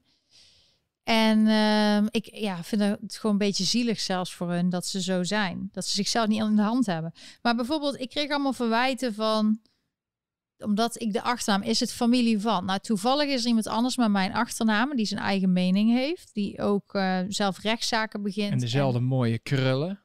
nee, die heeft geen mooie krullen, die heeft, eh, haardos. nee, die heeft eh, dreads. Maar dan vind ik Dat eigenlijk was dat niet een hele serieuze opmerking. nee, oké, maar dat heeft We dan moeten heeft- af en toe ook een klein beetje dus dan licht vind ik eigenlijk, als, als ze dan daar een mening over hebben, dan gaan ze mij een bepaalde manier bejegenen, omdat ik een achternaam heb. En dat is gewoon discriminatie. Dat is ook als ze bijvoorbeeld zeggen dat mensen van een bepaalde afkomst, die een bepaalde achternaam, dat je dan die mensen anders gaat behandelen omdat die een bepaalde afkomst hebben. Dat is ook niet oké. Dat is ook discriminatie. Dus dat is het eerste. Maar bijvoorbeeld ze zeggen tegen mij, is geen dokter. Nou, dan zeg ik dus, Hugo de Jonge, is hij wel een dokter dan? Nee, maar die mag het wel zeggen. Het is respectloos, het is privé-info. Dat kreeg ik ook heel veel verwijt. Ehm, iedereen moet de hele tijd antwoorden of die geënt is. De hele tijd moet er gepromoot worden dat iedereen moet enten en het moet foto's maken. En het is allemaal vol nieuws. Als een bekende iemand in het nieuws is, ook die voetballers, dan is het allemaal ja, ik heb het gedaan.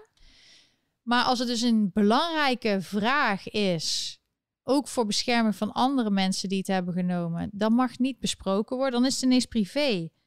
Dus het is heel hypocriet. Het is het een of het ander. Of je zegt gewoon tegen altijd tegen mensen: het moet je zelf weten. Ik ga het jou niet vragen, want het is privé-info. Of je moet gewoon altijd gewoon ehm, zeggen: iedereen mag, er, mag erover praten. Dus het is heel erg dat twee. En of ze zeiden: het is niet de juiste tijd. Ja, wanneer is dan wel de juiste tijd? Ik zit gewoon op een afstand. Ik zie gewoon die foto. Ik kijk niet eens wanneer het gebeurd is. Het is gewoon. Ik garandeer jou dat dat waarschijnlijk ook de eerste vraag is geweest. Want dokter. anders hadden ze niet meteen contact gezocht met Inter om te vragen wat precies de situatie is. Dus iedereen stelde zich die vraag. Heel Twitter stelde zich overigens die vraag. Ja. En het was heel frappant dat uh, op Google die zoekterm blijkbaar niet trending was. Die was gewoon non-existing. Die bestond niet. Nee. Niemand vroeg zich dat op Google af. Vraag je af wat daar aan de hand is. En op, uh, had je toevallig ook DuckDuckGo gekeken? Ja, werd ook bijna niks, uh, kwam ook bijna niks naar boven. Oh jee, dadelijk zijn hun ook de... Nou, over 20 seconden is de halftime is voorbij. Zo heet dat in het Engels. Moet jij nog reclame laten zien dan? Hoe bedoel je? Nee, ik wil daar eventjes hebben over... Ehm, over iemand die ik uh, ook in Nederland niet in nieuws heb gezien, maar wat wel echt big news is. En ik snap het gewoon niet. En ik wil jullie eigenlijk vragen om dit, wat ik met jullie nu ga delen, dat jullie dat ook aan de media of aan Nederland op Twitter of social media, Facebook, dat je dat gaat delen, omdat het bizar is dat het in Spanje wel een nieuws is, maar in Nederland niet, terwijl het over Nederland gaat. Ik heb het hier over Eva González Perez. En zij is de advocaat die dus de toeslagenaffaire, zij is de klokkenluider van de toeslagenaffaire. Zij heeft er dus voor gezorgd dat Rutte uh, en zijn kabinet heeft moeten aftreden. Ook mede dankzij omzicht, omdat omzicht ook voet bij stuk hield. Nou, helemaal top dat hij nu voor zichzelf verder gaat. Maar Eva González Perez, die was dus in Spanje omdat ze een prijs heeft gekregen. En dit is een Spaans artikel in Lawyer Press. En Dirk gaat het even translaten. Maar ze heeft dus de Don Justo José Manuel Maza Award gehad in... Uh, oh, dit was dan 2020. Dus deze heeft zij dus in ontvangst genomen dit weekend. En um, dus dat kreeg ik door van haar. Dus ik, uh, ja, ik uh, heb met haar ook contact over de Belastingdienst, al die zaken. Van, uh, omdat ik een beetje dezelfde soort zaak heb. Ook al is het een andere divisie. Omdat de rot bij de Belastingdienst zit overal. ze hebben dezelfde rare dingen, doen ze overal. Maar zij, dit gaat dus over dat zij dus dit heeft ontvangen. Voor haar excellent work in defense of the more than 26,000 affected families. En ik heb ik had ver niet meer lezen, maar Dirk heeft het. Uh, ik ben alweer veel verder. Ja. Affected families. In de, in de uh, to whom the Dutch Treasury Department the return, uh, had to return the subsidies. Ja, dus, uh, dus in ieder geval voor de 26.000 slachtoffers in Nederland krijgen ze in Spanje een prijs. En, uh, en in Nederland een middelvinger ja, van dus het kabinet. De rechts zit ze, dus ze had wat foto's doorgestuurd. Maar zij is gewoon een, een, heldin. En zij krijgt in Nederland gewoon geen aandacht eh, wat dat betreft. Ja, behalve trouw en RTL Nieuws. Die hey, maar we dus- zijn wel één Europese Unie. En dan zie je hoe lijnrecht Spanje en Nederland dus tegenover elkaar staan. In Spanje krijgt zij een prijs. En in Nederland hebben die mensen nog steeds, die zijn nog steeds niet volledig gecompenseerd. En heeft Rutte het alleen maar over zichzelf. Heeft Kaag het alleen maar over zichzelf. Die mensen zijn echt om te kotsen gewoon. Ja, dus ik vind het wel heel leuk dat, uh, dat zij dat heeft gehad. Ze heeft het ook echt verdiend. Maar ook dat zegt gewoon genoeg dat ze in Nederland willen ze het eigenlijk liever niet over hebben. En in Spanje wordt ze echt als heldin ontvangen. Zij zelf natuurlijk, uh, volgens mij heeft ze ook Spaanse bloed. Ja, dus dat vind ik hartstikke tof. Maar dat zie je niet in de media. Dat gewoon, dit was dan in maart al. Maar ik heb het verder, hebben jullie het gezien in de media? Dus ik dacht, waarom gaan we dit niet dat, uh, dat, dat andere mensen dit ook. Waarom heeft de media er in Nederland er niet over? Het slaat toch nergens op?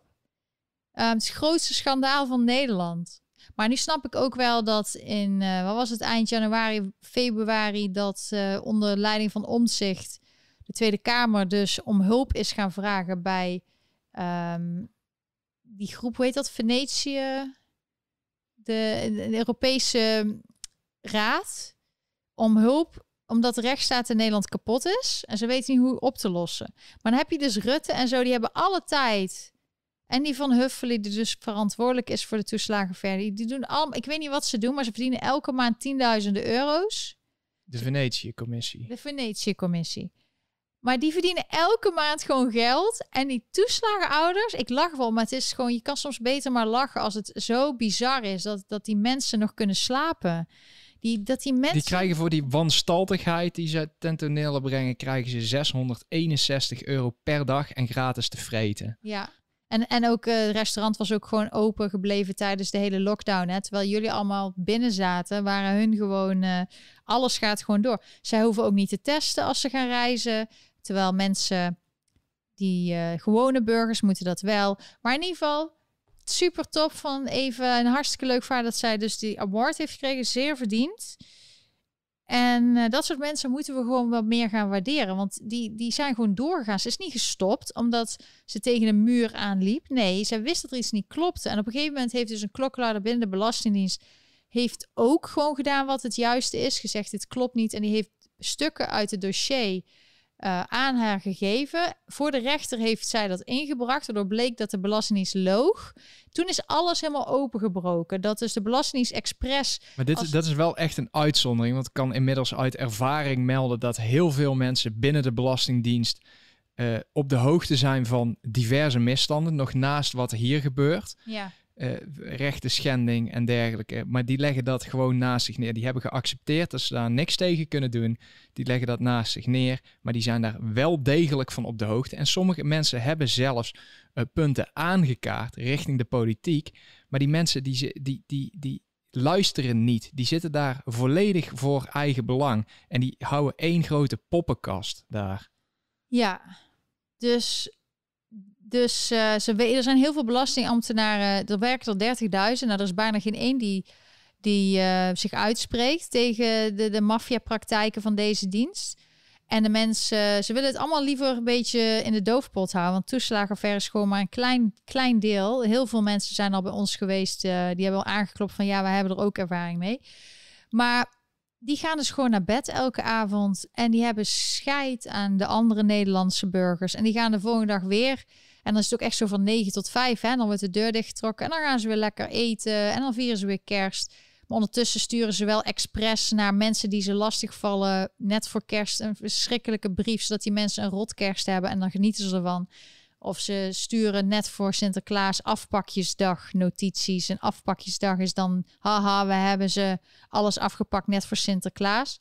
Zo zijn heel veel van die mensen. En als ze niet uitspreken, schaar ik ze bij die groep dat ze zo zijn. Want als je Volgens mij ben je gewoon medeplichtig. Als jij op de hoogte bent van misstanden en daar verder geen actie aan. Uh, ja, uh, nou, er kwam bijvoorbeeld deze week weer uit dat. dat uh, Jullie hebben misschien gezien dat in de toeslagenaffaire dat er dus een, een, dossier is naar buiten gekomen. Er is een verslag. Even uh, onderbreken. Je moet wel melden als er een goal is, hè, Lonneke. Is er een goal? Ja, volgens mij wel. 1-0 voor NL. Nou, ze lopen hier nog een beetje achter, zie ik. Eens kijken. Zal, ik had het hier niet zien, dus dan ligt, ligt het hier echt uh, even. Is het een throw-in van pass van Zinchi Kang recovery as de Oké, okay, loopt hier echt achter. Nou, leuk. Yay! wow, allemaal stof. Die was echt opgeslagen, die sjaal. Dus uh, in ieder geval, nou leuk dat. Uh, kijk, Nee, ik ben leuk. Ik vind het leuk voor Nederland, voor de Nederlanders. Hè? Op zich, het land zelf, Nederland en de mensen die leiding hebben, daar heb ik echt geen goed woord voor over. Maar voor jullie en voor de mensen die ja, het goed willen en voor hebben voor Nederland, daar doe ik voor. Oh, Wijnaldum. Nou, die heeft toch ook bij PSV gevoetbald? Volgens mij wel. Ga je dat serieus aan mij vragen? Ja, dat weet ik niet. Maar dat is leuk als het een Eindhoven. Krijg heel groot in beeld goal. Ja, leuk. Um, ja, het is. Uh, maar in ieder geval wel even terugkomen op die toeslagver. Want de meeste Nederlanders denken gewoon dat het over is. Rutte. En Rutte denkt ook echt: ik ben afgetreden, het is nu klaar. Maar het is niet klaar en het is pas het begin.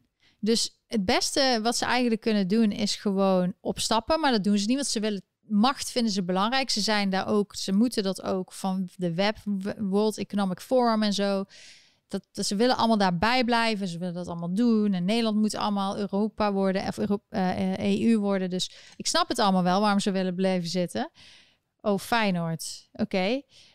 Um, Jorginho Wijnaldum. Eh, wie was er dan? Was er ook een Wijnaldum bij PSV geweest? Of was er die andere? Het is allemaal nepotisme, of hoe heet dat? Ik weet het niet. Maar in ieder geval even terug naar dat. Nu, um, Oké, dus, dus wat er is gebeurd is, het is naar buiten gekomen. Toen is er een uh, parlementaire onderzoekscommissie gestart. Die hebben een verslag uitgebracht. Dat heet Ongekend Onrecht. Omdat het zo erg is wat die mensen is aangedaan. Hun hele leven, hun hele toekomst, hun kinderen, hun uh, huwelijken zijn gestrand. Het is, je kan niet voorstellen, in een soort nou, straf nou, ik vond het veel, geld... Het was veel erger, Lon.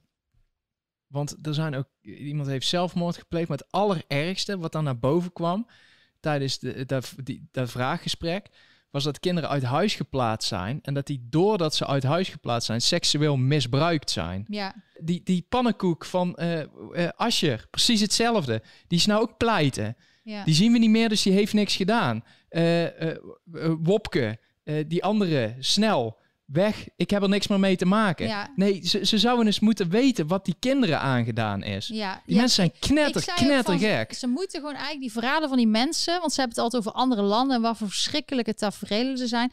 Maar het is gewoon, die mensen zijn gewoon een strafkamp. Moet je je voorstellen dat je hebt gewoon een huis en een leven en je doet gewoon zorg, uh, hoe zeg je dat? Je krijgt uh, toeslagen omdat je daar recht op hebt. En je hebt kinderen. En ineens is, zegt de Belastingdienst, je bent crimineel. En dan ineens het leuke leventje wat je had, stopt. Je hebt geen zicht meer op toekomst. Je hebt geen inkomen meer. Ze zeggen, al het geld wat je verdient, moet je aan de Belastingdienst geven. Je krijgt een bewindvoerder. Nou, je bent heel je pride, je hele trots, alles wordt opgegeven. En je hebt geen eigenwaarde meer daardoor. Je bent eigenlijk een slaaf van de overheid.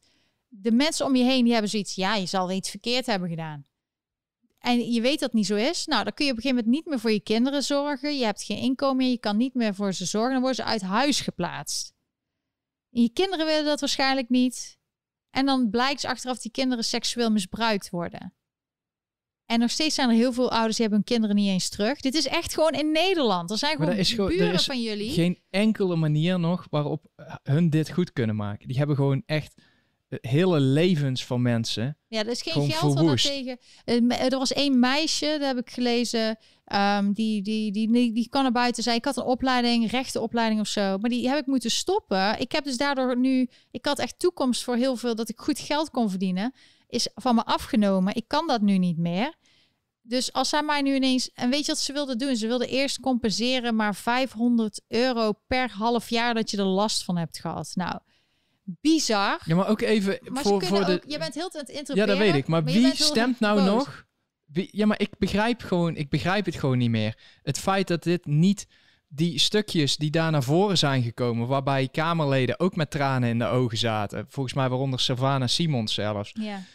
Um, ik snap niet dat dit niet heel groot in het nieuws komt. En ik, de mensen die nog veel zieker zijn, in mijn ogen, zijn de mensen die nog steeds op zo'n Mark Rutte stemmen. Dan ben je, dan ben je, je echt komt? De media, behalve RTL Nieuws, heeft dat gezegd, maar voor mensen is het gewoon niet tastbaar. Maar er wordt wel geld door Kaag naar andere landen gestuurd, miljoenen. Dat is meteen klaar. Zelfs die Siewert van de Linde met zijn vage mondkapjesdeal, die krijgt meteen, is daar geld, is meteen beschikbaar. Maar die ouders, die toeslagenouders, dat, het is nu al zo duidelijk dat het zo verkeerd is gegaan. En ze hebben gewoon niet, niet dat uh, dat geld terug. Ze hebben gewoon niet, ze kunnen niet hun leven opnieuw beginnen. En op een gegeven moment, in 1 mei was dan de, de dag dat, dat het was de maximale dag dat ze gecompenseerd zouden worden. Nou is het dus weer niet gehaald. Ze beloven allemaal dingen, is allemaal leuks, maar dat is voor de media. Want mensen lezen dat, ah, die mensen krijgen 30.000 euro, oh, is allemaal leuk. Nou, de meesten hebben dat gewoon niet gehad. Maar ook de schuldeisers gingen daarna, gingen ze dus weer door met, uh, met incasseren. En um, Daardoor, ze hebben het geld nog niet, maar ze hebben wel die schulden, waardoor ze uiteindelijk toch hun huis en alles verliezen. En het is 26.000 Nederlanders. En waar zij van huffelen? Oh, dat is toch wel heel erg dat zij, uh, dat, dat, die, dat, dat die schuldeisers nu weer proberen te incasseren. Terwijl zij de motie om dat verder op te schuiven zelf heeft verworpen. Ja, deze mensen hebben echt die, een geestensziekte. Ja, die, weet, die, zijn, die zijn alleen maar met zichzelf bezig. Van Huffelen komt waarschijnlijk ook niet veel bij de Belastingdienst zelf. Die wil dat gewoon niet oplossen. Van Huffelen die wil ook niet naar de mensen binnen de Belastingdienst luisteren. Er is aangegeven aan mevrouw Van Huffelen, heb ik uit zeer betrouwbare bron mogen vernemen, dat hetgene wat zij schetst als oplossing absoluut niet haalbaar is. En zij wil het niet horen. Zij wil niet met de uitvoerende tak in gesprek om te kijken of dit überhaupt wel te doen is. Maar er is weer nieuws uitgekomen. Dus ik heb je net er is weer een schandaal naar buiten. En dat, dit, is, dit is zo erg. Je moet even voorstellen of dit, dat... hey, 2-0. Wow, het is 2-0. Yay!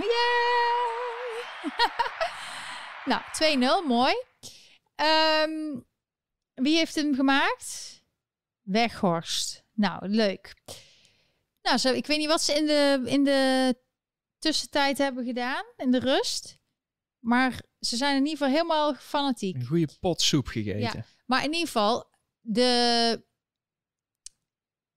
de... Wel, wat wil ik zeggen? Oh Wegmoffelen. Nee, ehm, ik wil even zeggen. Dus we hebben dus... Het is wel in het nieuws geweest, maar bijna niemand begrijpt het. En het is heel moeilijk te begrijpen, maar probeer je instellen. Je hebt een leuk leven, je hebt een auto, je hebt een baan.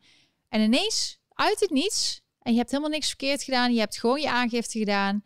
En ineens zegt de Belastingdienst, je bent crimineel. En we gaan jou onderzoeken en je je leven kapot maken. Uit het niets. Nou, bij mij, ik heb dan nog wel wat bij te zetten om dat dus tegen te gaan. Als je weet dat je totaal onschuldig bent en je weet dat zij fout jij zijn. jij bent gewoon zo gek dat in plaats van dat jij je onder druk laat zetten en je af laat persen en iets uh, betaalt zodat het stopt, zeg jij nee, ik heb niks gedaan, dus ik ga daar ook niet in mee. Ik ga niet betalen voor iets wat ik niet gedaan heb. En je hebt daar gewoon aangevochten. En dat is gewoon een hel geweest van, twee, eh, van, van bijna twee jaar. Ja, en er zijn dus heel veel mensen vooral, want ze doen dan gebruiken bekende Nederlander. Je wil niet zo in het nieuws komen. Uh, dan word je onder druk gezet om dus maar iets te betalen. En veel mensen doen dat ook, omdat ze dat niet willen. Maar ondertussen kwam dus precies op die tijd de toeslagaffaire uit. Dus ik had zoiets, ik sta niet alleen. Ik ben niet de enige. Er zijn meer mensen die last van hebben. Van, uh, van oneerlijk, uh, ja, dat je, dat je iets van beschuldigd wordt. Uit het niets, niet eens. Maar moet je voorstellen, die mensen worden uit het niets. En dan gaat het van kwaad tot erg. Je hebt geen toekomst meer. Je kan niet meer dromen van bijvoorbeeld vakantie je weet ineens niet meer hoe je je rekeningen moet betalen. Nou, dan ga je dus van het ene gat ga je met het andere gat vullen. En dan op een gegeven moment kan je dit niet meer betalen. Wordt je auto afgenomen, kun je niet meer naar je werk, verlies je je baan, heb je je inkomen niet meer. Um, ook die mensen die dus die kinderen op een dagverblijf hadden, die hebben nooit dat geld gehad. Hè? Dus altijd naar die dagverblijf gegaan. En ze hebben misschien gedacht, er is misschien fraude bij die dagverblijf of iets bij die opvang. Maar de Belastingdienst heeft toen gedacht, ik ga de ouders pakken in plaats van die dagopvang. Dat ze dachten, dat is lekker makkelijk. Maar die ouders hebben niks misgedaan. Die hebben dat geld ook niet gehad. Dus, maar die moesten wel ineens alles terugbetalen. En, um, en dan ineens, dan ga je dus binnen een paar maanden van een leuk leven. Dan ineens krijg je dus kinderbescherming, bewindvoerder. Moet je je voorstellen hoe erg het is om een bewindvoerder te hebben. Dat je gewoon aan iemand toestemming moet vragen of je wel bepaalde boodschappen mag betalen. Dat is vrijheid. Je vrijheid wordt dus afgenomen. Alleen omdat je de schulden opbouwt doordat de Belastingdienst liegt.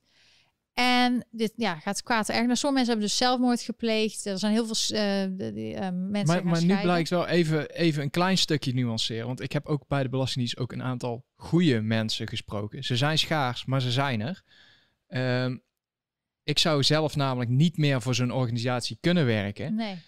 Um, want hier in, in dat dit is 2 uur en 44 minuten geleden. Bewijs voor wegmoffelen. Memo duikt op bij het ministerie van Financiën. En die memo die komt dus blijkbaar van een lager niveau bij de Belastingdienst. En zoals ik net Leg al zei. even uit wat er is gebeurd. Nee, even helemaal op het begin.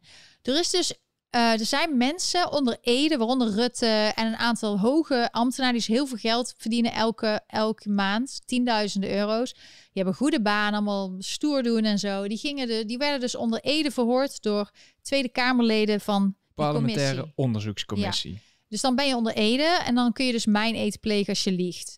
En die hebben dus gezegd, nee, deze memo hebben we nooit gezien.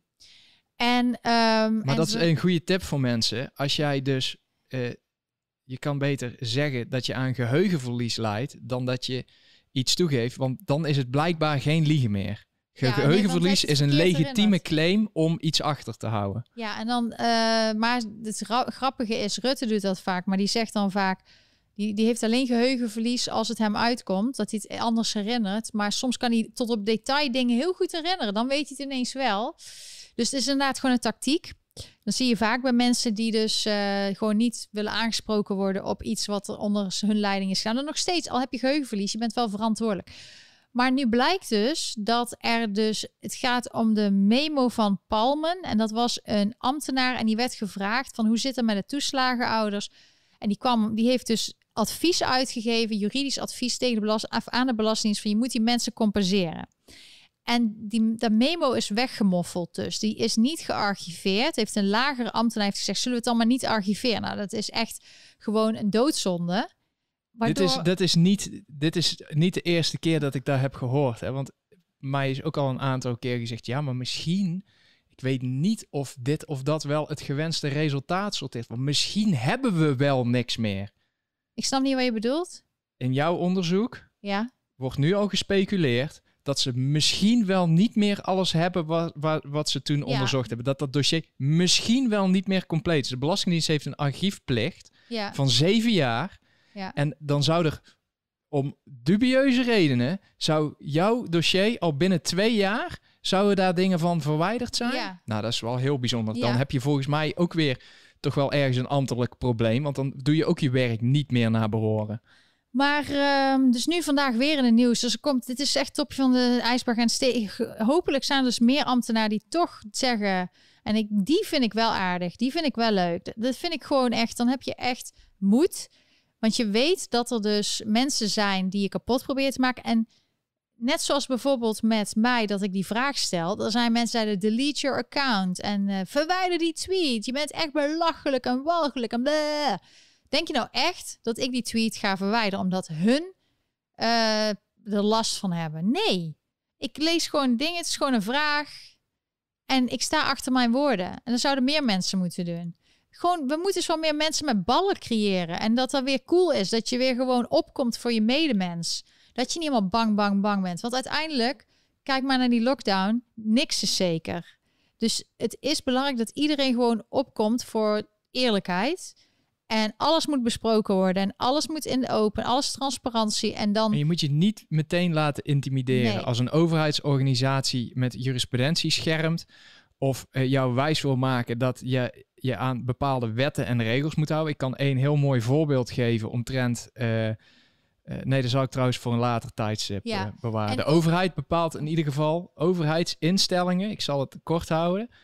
Eh, naast dat er wetten en regels zijn, heeft de over, hebben overheidsinstellingen er een handje van om daar zelf spelregels aan toe te voegen. En die spelregels zijn de grootste kwads die er is, want die hebben zich ook gewoon aan wetten en regels te houden. En die spelregels die, die doen niks, die bestaan niet, die, daar hoef je je niet aan te houden. Ja, ze intimideren mensen met... eh, wij hebben bijvoorbeeld ook bij de Belastingdienst... dan sturen ze mensen van... dit is een uitspraak van de rechter en jij bent... En allemaal hele zware termen. Dit is de Belastingdienst, die zou voor de burgers moeten zijn.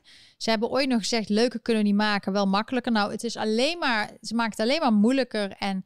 Ze Ik heb inmiddels bang. ook al een uitspraak gehad waarbij ze zeggen: we maken het niet alleen burgers en bedrijven moeilijk, maar ook onszelf. Ja, ze moeten. Waarom is het zo moeilijk om eerlijk te zijn? Gewoon transparant. Zij willen alles. eh, Het is ook de regels gewoon. Dat ze wel eisen dat jij binnen zoveel tijd moet aangifte doen. Maar dat ze zelf alles veel langer teruggeven. eh, of als je als een betaling. Dat ze dat. Jij moet het meteen betalen, maar hun wachten allemaal. Dus het is al. In basis is het al gewoon niet eerlijk. Maar die ambtenaar voelde zich steeds sterker. En dankzij Rutte ook van. En die heeft dus tijdens die onder Ede. Heeft hij dus zoiets verklaard van ja, het kan zijn dat ik ze misschien, dat ze daardoor misschien strenger zijn opgetreden of zoiets. Maar ik vraag me af of, of ze, ja, is er ooit gezegd dat ze wetten mogen overtreden? Want dat is wat er is gebeurd. Niet alleen in mijn zaak, maar ook in die zaak met toeslagenaffaire. En nu, nu dat allemaal uitkomt, wi- willen ze dat je er eigenlijk niet meer over mag hebben. Dus zie je dat dit trouwens iets wat heel vaak terugkomt? Mensen doen iets, er gebeurt iets. En, en eerst zijn ze allemaal heel grote mond. Maar dan als er daarna echt belangrijke vragen zijn van hoe komt dit? Dan mag je het er niet meer over hebben. Maar ja, ik ga er gewoon wel natuurlijk door. Ik wil weten wat de waarheid is. Ik wil weten hoe dingen ontstaan. Waarom mensen, anderen het leven, gewoon Nederlanders die bij de, ambten, bij de andere mensen het leven zuur maken. Waarom? Waarom ben je zo'n slecht persoon dat je dat doet? Waarom kun je niet gewoon eerlijk zijn? Waarom ga je mensen bedreigen en, eh, en allemaal moeilijke woorden naar mensen die... Kijk, wij hebben nog twee jaar wij moeten alle, alle juridische stukken moeten lezen. En toen kwamen we erachter van dit liegen ze, dit is niet waar. Waar komen ze? Maar als jij gewoon een normale baan hebt en je, je, hebt eigenlijk toeslagen nodig om je kinderen gewoon opvang te regelen, zodat jij kan werken, wat de, de, de overheid en alle Nederlanders hebben geregeld van dat mensen dat kunnen, zodat ze, ze geven toeslagen, zodat die mensen gewoon kunnen werken. Is natuurlijk ook al bizar dat mensen toeslagen nodig hebben en dat je twee verdieners moet zijn, dat je niet meer voor je kinderen kan zorgen. En dat, want vroeger was het zo dat de moeder of vader kon gewoon thuis blijven en de één persoon kan het hele huishouden. Maar dat is niet meer in Nederland. Je moet nu echt met z'n tweeën werken. Als ze zich vragen waar de verwatering van normen en waarden vandaan komt, dan moeten ze misschien daar eerst eens te raden gaan. Ja. Als je trouwens nog vragen hebt, hè, speciaal voor iets waar je het over hebben, stuur een superchat. Of als je het leuk vindt wat ik doe, hartstikke fijn vind ik dat. Ook via Ideal. Dirk houdt dat in de gaten, PayPal enzovoort. Um, ja, verder, dus ik, kan er vaak over hebben. Maar er was toch nog een artikel, of was dat hetzelfde artikel over dat die, dat die memo. Dus nu zijn er dus ambtenaren in, in um, weet dat, heet water, in hot water omdat er dus waarschijnlijk gelopen ja, ja, die, is onder De ene zegt, dat is weer uh, RTL Nieuws. Uh, wacht, ik zal hem... Ja, die werken samen, hè? Ja, dat dus is, dat is Trouw en RTL Nieuws. Dus RTL Nieuws zegt bewijs voor wegmoffelen memo duikt op bij het ministerie van Financiën. En Trouw die brengt het als het ministerie geeft toe. Een explosieve memo over de toeslagenaffaire is kwijtgemaakt. Gemaakt. Ja, ja? Dus er zijn dus... En, en weet je nog dat, de, dat Van Huffelen zei... Ja, er is, ik heb aangifte gedaan. Trouw geeft wel een stille hint op wat je met je belastingaanslag en je vaccinatieoproep moet doen, oh. overigens. Ja, alles versnipperd. Maar um, zij, het is goed dat, het, dat zij dit blijven onderzoeken. Maar dus moet je voorstellen, in 2019 had het gewoon intern opgelost kunnen worden. Maar omdat die mensen zo ziek zijn dat ze niet mensen geld willen geven, dat ze niet een paar miljoen, dat geven ze makkelijk weg aan. Kaag geeft dan makkelijk weg aan terroristen ergens in het Midden-Oosten. Maar nee, voor hun eigen mensen. Ze, ze snijden zichzelf zo in de vingers. Ze, ze willen gewoon niet mensen die het verdienen geld geven. Omdat ze een fout hebben gemaakt. Dan doen ze alles maar om er tegen te werken. En daardoor is het niet in 2019 opgelost. Maar heeft, is omzicht gewoon helemaal um, ja, de reden dat hij thuis zit is gewoon ook onder andere de toeslagenaffaire. Dat hij daar zo hard gewerkt heeft dat hij daar, dat het lot, net zoals ik, me heel erg aantrek wat die mensen is overkomen. Het is gewoon onmenselijk. Het is niet te bevatten. Ik zeg soms zelfs, ja, ik heb het zelf meegemaakt. Het is alsof je in een gevangenis zit in je eigen huis. Je kan niks, je kan geen geld uitgeven. Je weet niet wat je moet doen. Want je bent helemaal je weet niet of je alles kwijt gaat raken. Je weet niet of alles. Maakt niet uit of je heel veel geld hebt of weinig. Je weet niet wat ze boven je hoofd doen. Je weet niet wat ze doen. Dan gaan ze ook bij mijn geval de IRS hier in Amerika inschakelen, wat er niet eens mag. Het is, het is uh, niet om uit te leggen. Nou, wat nou, het die mag mensen... wel, maar er moet wel uh, een goede grond voor zijn. Ja, maar in mijn geval mocht dat niet. En um, want het was in Nederland niet eens afgehandeld. Dus ik was niet eens, ik heb niet eens een aanslag gehad of een, uh, een, een, kans om uh, voor de rechter om, om erover te hebben. Dat willen ze niet. En nu ook. Willen ze niet dat ik naar de rechter. Ze willen niet erover hebben. Bizar. Maar in ieder geval, het is, um, het is bizar dat. Ik wil er heel veel over hebben, omdat het zo belangrijk is. Ik wil meer van die verhalen van die mensen. En ik wil dat jullie begrijpen. Ze zeggen altijd: is niet Noord-Korea. Maar op zijn minst Noord-Korea als je of ergens anders strafkamp weet je, ik zit in een strafkamp en dit is wat ik kan verwachten. Want het is gewoon hartstikke kut, het is verschrikkelijk, mensonterend, alles er. Wat er bij deze mensen is gebeurd, is dat je nog steeds in je eigen omgeving zit. iedereen kijkt je aan van je zal iets verkeerd hebben gedaan. Je, je, je zit in een soort sociaal isolement. Je zit in, je wordt helemaal bevro je bevriest, je kan niks meer, je doet niks sociaal meer, je zit eigenlijk alleen maar binnen in huis, je bent alleen maar alles juridisch aan het uitzoeken, je hebt dossiers zo hoog, je bent alleen maar al je tijd kwijt om dingen voor de Belastingdienst te lezen, om uit te zoeken. In mijn geval moest ik 12 jaar aan informatie geven. Nou, het meeste heb je niet, want officieel hoef je maar vijf jaar te bewaren. Maar ineens deze mensen dachten ineens, wij gaan gewoon 12 jaar vragen. Um, dat uh, zou mogen als ze eerst bewijzen dat ze vijf jaar. Is je moet niet te veel uitweiden. Nee, Daar moet je gewoon een keer rustig voor gaan zitten van het begin af aan. ja, maar in ieder geval, je kan voorstellen als ze twaalf jaar je agenda's willen, precies willen weten waar je was, welke dag, uh, al je afgeschriften, al je telefoongegevens, ineens vanuit het niets, hè? Dat is zo, dat, dat, dat is gewoon, die wordt helemaal gek. Nou, heel veel relaties. Dirk en ik zijn, we hebben het ook zwaar gehad, maar wij zijn er juist dichter tot elkaar gekomen. Dat dieper dan dat kan je gewoon niet zakken. En daarom zijn wij nu echt een goed team. Omdat we zelfs in de slechte tijd gewoon elkaar steunen. Moet bijna een beetje huilen. Maar het is, het is gewoon oh. verschrikkelijk. En uh, ik kan die mensen die dus niet eens die kinderen hebben die uit huis worden gezet. Ik kan daar gewoon. Dus ik, ik weet hoe het erger bij ons was. En ik kan dat. Dat is zo nog zoveel erger. En ook dat je kinderen uit huis, met door een leugen, kinderen uit huis die dan seksueel misbruikt wordt, dan echt word je helemaal gek. Kun, kun je nagaan dat jij het nou bijna een beetje moet houden en dat er ouders thuis zitten, die weten dat hun kinderen misbruikt zijn. Ja, dat is ja, door, ja, en dan 26.000 uh, mensen. En daardoor heeft hij even González Perez. Ik wil het even gewoon delen met jullie. Ik zal er vaker details over vertellen als jullie het interessant vinden. Ook hoe je jezelf kan beste kan beschermen tegen deze. Ja, dus iedereen die, die echt met zijn botte kop nog durft te zeggen, die mensen zullen wel iets fout gedaan hebben, ga, je, ga je diep en diep schamen en ga je verdiepen in wat er echt gebeurt en wie die debielen zijn waar je op gestemd hebt. Echt ga je schamen. Ja, en het is, ehm, het is, ja, gewoon inderdaad, als je, als je het weet, en daarom is Omzicht dus ook overspannen. Dus dan snap je ook een beetje. Nou, die heeft ook die dingen dus aan moeten horen. En die heeft die verhalen van die mensen rechtstreeks gehoord. Niet via via. Dat is gewoon niet te doen. Maar ja, dit is onder andere. Hè, en al het andere gezeik wat erbij komt. Dan en dan zijn er ook nog van die mafketels geweest die tegen hem hebben gezegd van... hey, hou je bek eens dicht. Ja, want precies. dit gaan we niet allemaal aan de grote klok hangen. Nee, hey, is jongen. verschrikkelijk. Oh, het is 2-1. Nou, ik zie een superchat. Dankjewel, Dick. We gaan het over jouw vraag hebben. De laatste dagen verschenen video's van onder andere senator Marsha Blackburn. Met als strekking dat de Senaat zou hebben geoordeeld dat de huidige pandemie op onwaarheden berust. Dan weet je daar iets meer van. Die video is heel moeilijk te vinden op YouTube. Je ziet wel stukjes. Die was heel makkelijk te vinden. Die was in begin. is weg. Uh, zij is een republikeinse senator. We hebben, het is de situatie nu dat de helft van de senatoren zijn Republikeins, de helft zijn Democraten. Met Vice President Harris, als er dus een tie is, dus als het 50-50 is, dan is Vice President Harris altijd doorslag geven. Dus daarom hebben de Democraten een voordeel. Maar bij sommige stemmingen moet er bijvoorbeeld een filibuster, moet er 60 stemmen zijn. Dus dan moeten ze ook wat Democraten hebben. Ze willen nu ook bijvoorbeeld uh, eh, HR1, dat is dan een wet om dus die verkiezingen, dat het vanuit federal van bovenaf wordt geregeld, dat staten er niet meer verantwoordelijk voor zijn. Nou, dat is verschrikkelijk. Staten moeten gewoon zelf kunnen bepalen hoe zij de verkiezingen doen. Liefst met. Ehm, eh, en, de, en de Democraten en de, de voorstanders van HR1 die zijn allemaal van ja, de Republikeinen willen juist strenger dat mensen minder vrij kunnen stemmen.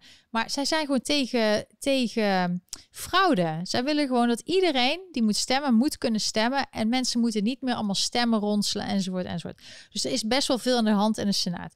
Um, die video, zij hebben dus vragen. Ze hebben vragen. Ze kunnen niet bepalen, omdat volgens mij is er niet een wet of iets of een bij de Senaat. Je hebt iets gevonden uh, over June 8. Dus zij zegt hier dan iets over. Uh, over wat zij vindt, over Fauci enzovoort. Zij hebben dus daar een mening over. Ze hebben een persconferentie gehouden en daarin hebben ze, die heb ik zelfs niet helemaal kunnen zien. En je hebt geprobeerd om die te bekijken, maar dat ging niet. Nee, ik heb hem dus niet kunnen vinden, maar ik weet dat hij er is.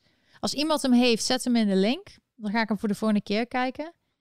Of stuur hem naar tips uit Lonneke als je geen link kan plaatsen. Want... Ja, ja, iemand zegt ook trouwens over onzekerheid. Dat is het punt. Dat je niet weet wat je fout hebt gedaan. Als jij bijvoorbeeld crimineel bent, dat wil ik nog even zeggen.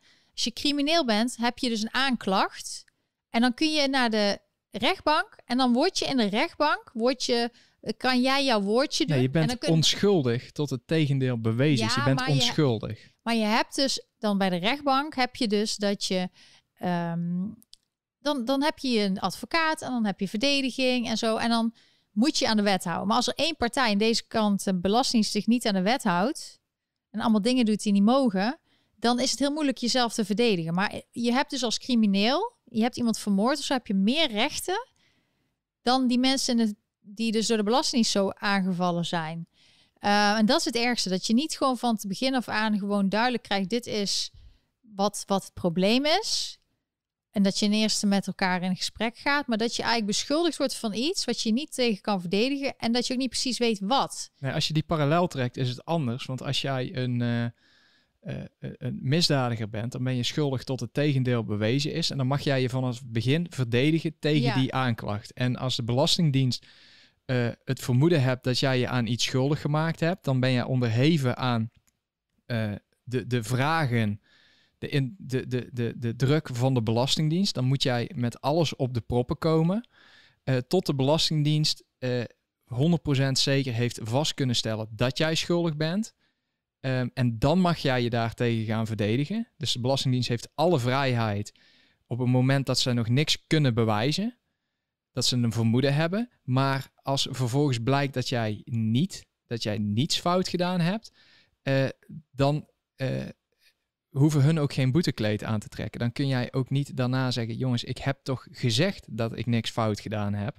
Dan mag jij je dus ook niet meer tegen verdedigen. Je mag, dus dit is gewoon volledig de omgekeerde wereld. Dirk, we kregen van uh, Eric Erik Peters krijgen we de Senator Blackburn video op YouTube. Misschien kun je die dan nog ondertussen vinden. En ik zie Richard die zegt ook... In dergelijke gevallen toestraf heb je wanneer je een dubbele nationaliteit hebt. Ja, maar het punt is ook, dus nog iets. Ik wil de Amerikaanse nationaliteit aanvragen, maar dan verlies ik mijn nationaliteit omdat Nederland actief Nederlanders in het buitenland discrimineert. Want als ik met een Amerikaan getrouwd was, dan had ik wel twee nationaliteiten mogen hebben. Maar omdat ik met een Nederlander getrouwd ben en in het buitenland woon, mag ik dat niet. Dus ik moet dan alleen maar Amerikaan zijn. Dus dan ben ik geen Nederlander meer. Dus in principe maakt mij daar geen reet uit. Nee, Wil het niet dat we nu in een hele andere situatie zitten. Waardoor wordt geïllustreerd dat het wel degelijk belangrijk is om in extreme situaties toch nog een Nederlands paspoort te hebben. Zodat je familie op kan zoeken. Want anders hadden wij niet eens familie op kunnen zoeken en zaken in Nederland kunnen regelen. Of we hadden hier niet meer teruggekund. Dus die mensen die, die dat bepalen, ook onze vriend Geert, die moeten eens wat verder nadenken. Wat de implicaties zijn van uh, de, de, de wetten en regels die hun voorschotelen. Op dit moment. Dom, dom, dom, dom, dom. Op dit moment, met de immigratieregels van Nederland, worden Nederlanders actief tegengewerkt. Dus de volledige Nederlandse Nederlanders. En worden juist aangemoedigd om buitenlanders een Nederlands paspoort te geven. Dus ik heb vrienden, of ja, die hebben een andere mening ook over de hele situatie in Amerika. Dus die heb ik de laatste tijd wel minder gesproken. Maar die, die heeft een is een Amerikaan, die hebben even in Nederland gewoond. Die heeft gewoon een Nederlands paspoort aan kunnen vragen. Die woont nou weer in Amerika. En die zal altijd zijn Nederlands paspoort houden. Terwijl niet eens fatsoenlijk Nederlands praat. En ik, die gewoon van hart en nieren Nederlander ben, die gaat het dan verliezen. Dus de reden dat ik mijn aanvraag voor Amerikaans paspoort nog niet heb gedaan, is dat ik nog, ja, omdat ik dan dat kwijtraak. Maar Nederland valt mij nu lastig, omdat ik Nederlands paspoort nog heb. Dus toen zei ik ook van, moet ik dan het opgeven om maar van jullie af te zijn? Dat jullie dit soort rare dingen, dit soort rare fratsen in naam der koning doen? Want daar heb ik geen zin in. Dus je wordt bijna gedwongen om het op te geven. Maar ik vind het gewoon om de eerlijk. Er zijn al die dingen. Zorg ervoor dat mijn situatie zo is. En ik ben dus ook actief aan het zeggen dat, dat die dubbele nationaliteit moet anders naar gekeken worden. Want op dit moment zijn er allemaal uitzonderingen waardoor alleen de echte Nederlanders die in het buitenland proberen succes te hebben, die misschien uiteindelijk dus weer terugkomen naar Nederland. Het is denk een miljoen Nederlanders die in het buitenland wonen zo. En die groot deel daarvan, die zijn dus getrouwd uh, met een Nederlander, die hebben een Nederlands gezin. En die, die maken een leven, die, alleen die kunnen dan niet meer terug naar Nederland. Dus dan het geld wat zij verdienen en zo, die, die, dat vermogen komt niet eens meer terug naar Nederland. Het is ook heel dom economisch gezien dat ze die Nederlanders zo tegenwerken. Maar Amerikanen, die worden echt super uh, geholpen met alles. En ook qua belastingen. Amerika zegt gewoon, als je Amerikaan bent, waar je ook ter wereld bent, je moet altijd aangifte doen. Nou, dat is lekker duidelijk. Maar Nederland zegt nee, als je in het buitenland woont, hoef je nooit aangifte te doen. Maar ze komen dus om de zoveel tijd mensen lastigvallen in het buitenland. Ik ben niet de enige. Dus je kan eigenlijk nooit uit Nederland emigreren, want ze vinden je altijd. En ze, ze je kan fiscaal gezien geen afscheid nemen van Nederland. Nee, ze kunnen je elk moment lastigvallen met een woonplaatsonderzoek. En zelfs als jij een, uh, geen Nederlands paspoort meer hebt, dus kunnen zij twaalf jaar nadat jij afscheid hebt genomen van jouw Nederlanderschap, uh, kunnen ze jou nog uh, najagen. Ja, dus uh, het is verschrikkelijk wat Nederland doet. En uh, ja, uh, ik blijf er gewoon over praten, want het is gewoon zo. En als zij slim waren geweest, als ze mij niet lastiggevallen, dan had ik gewoon nu, weet ik veel, video's over recepten of weet ik veel wat ik had gedaan. Dus het heeft me ook een soort passie aangewakkerd om, om mensen die het zwaar hebben, die niet de voice, die niet de stem hebben om het naar buiten te brengen, om, om te zorgen dat dat naar buiten komt. Gewoon de nou, people. wat De mensen zien alleen dit, dit praatje van jou, maar wij zijn echt uren, dagen bezig uh, met gesprekken met de Belastingdienst, met andere uh, overheidsinstellingen, om te zorgen dat de, de rechten die jullie worden ontnomen, dat dat weer rechtgezet wordt. Dat die weer terug op de plaats gezet worden. Want heel veel mensen zijn zich daar niet van bewust tot hun benadeeld worden. En wij hebben samen gezegd dat um, wij nooit meer van, wij willen nooit van iemand horen, niet van, van bekende of onbekende, dat hun ook op, dat, op zo'n manier door de Belastingdienst zijn benadeeld. Dat hun leven volledig vergald wordt, kapot gemaakt wordt door de Belastingdienst onterecht. En ik weet, even een kanttekening, ik weet ook dat de Belastingdienst goede dingen doet. Dat heb ik ook, dat spreek ik ook continu tegen die mensen uit. Die, ze zijn ook nodig.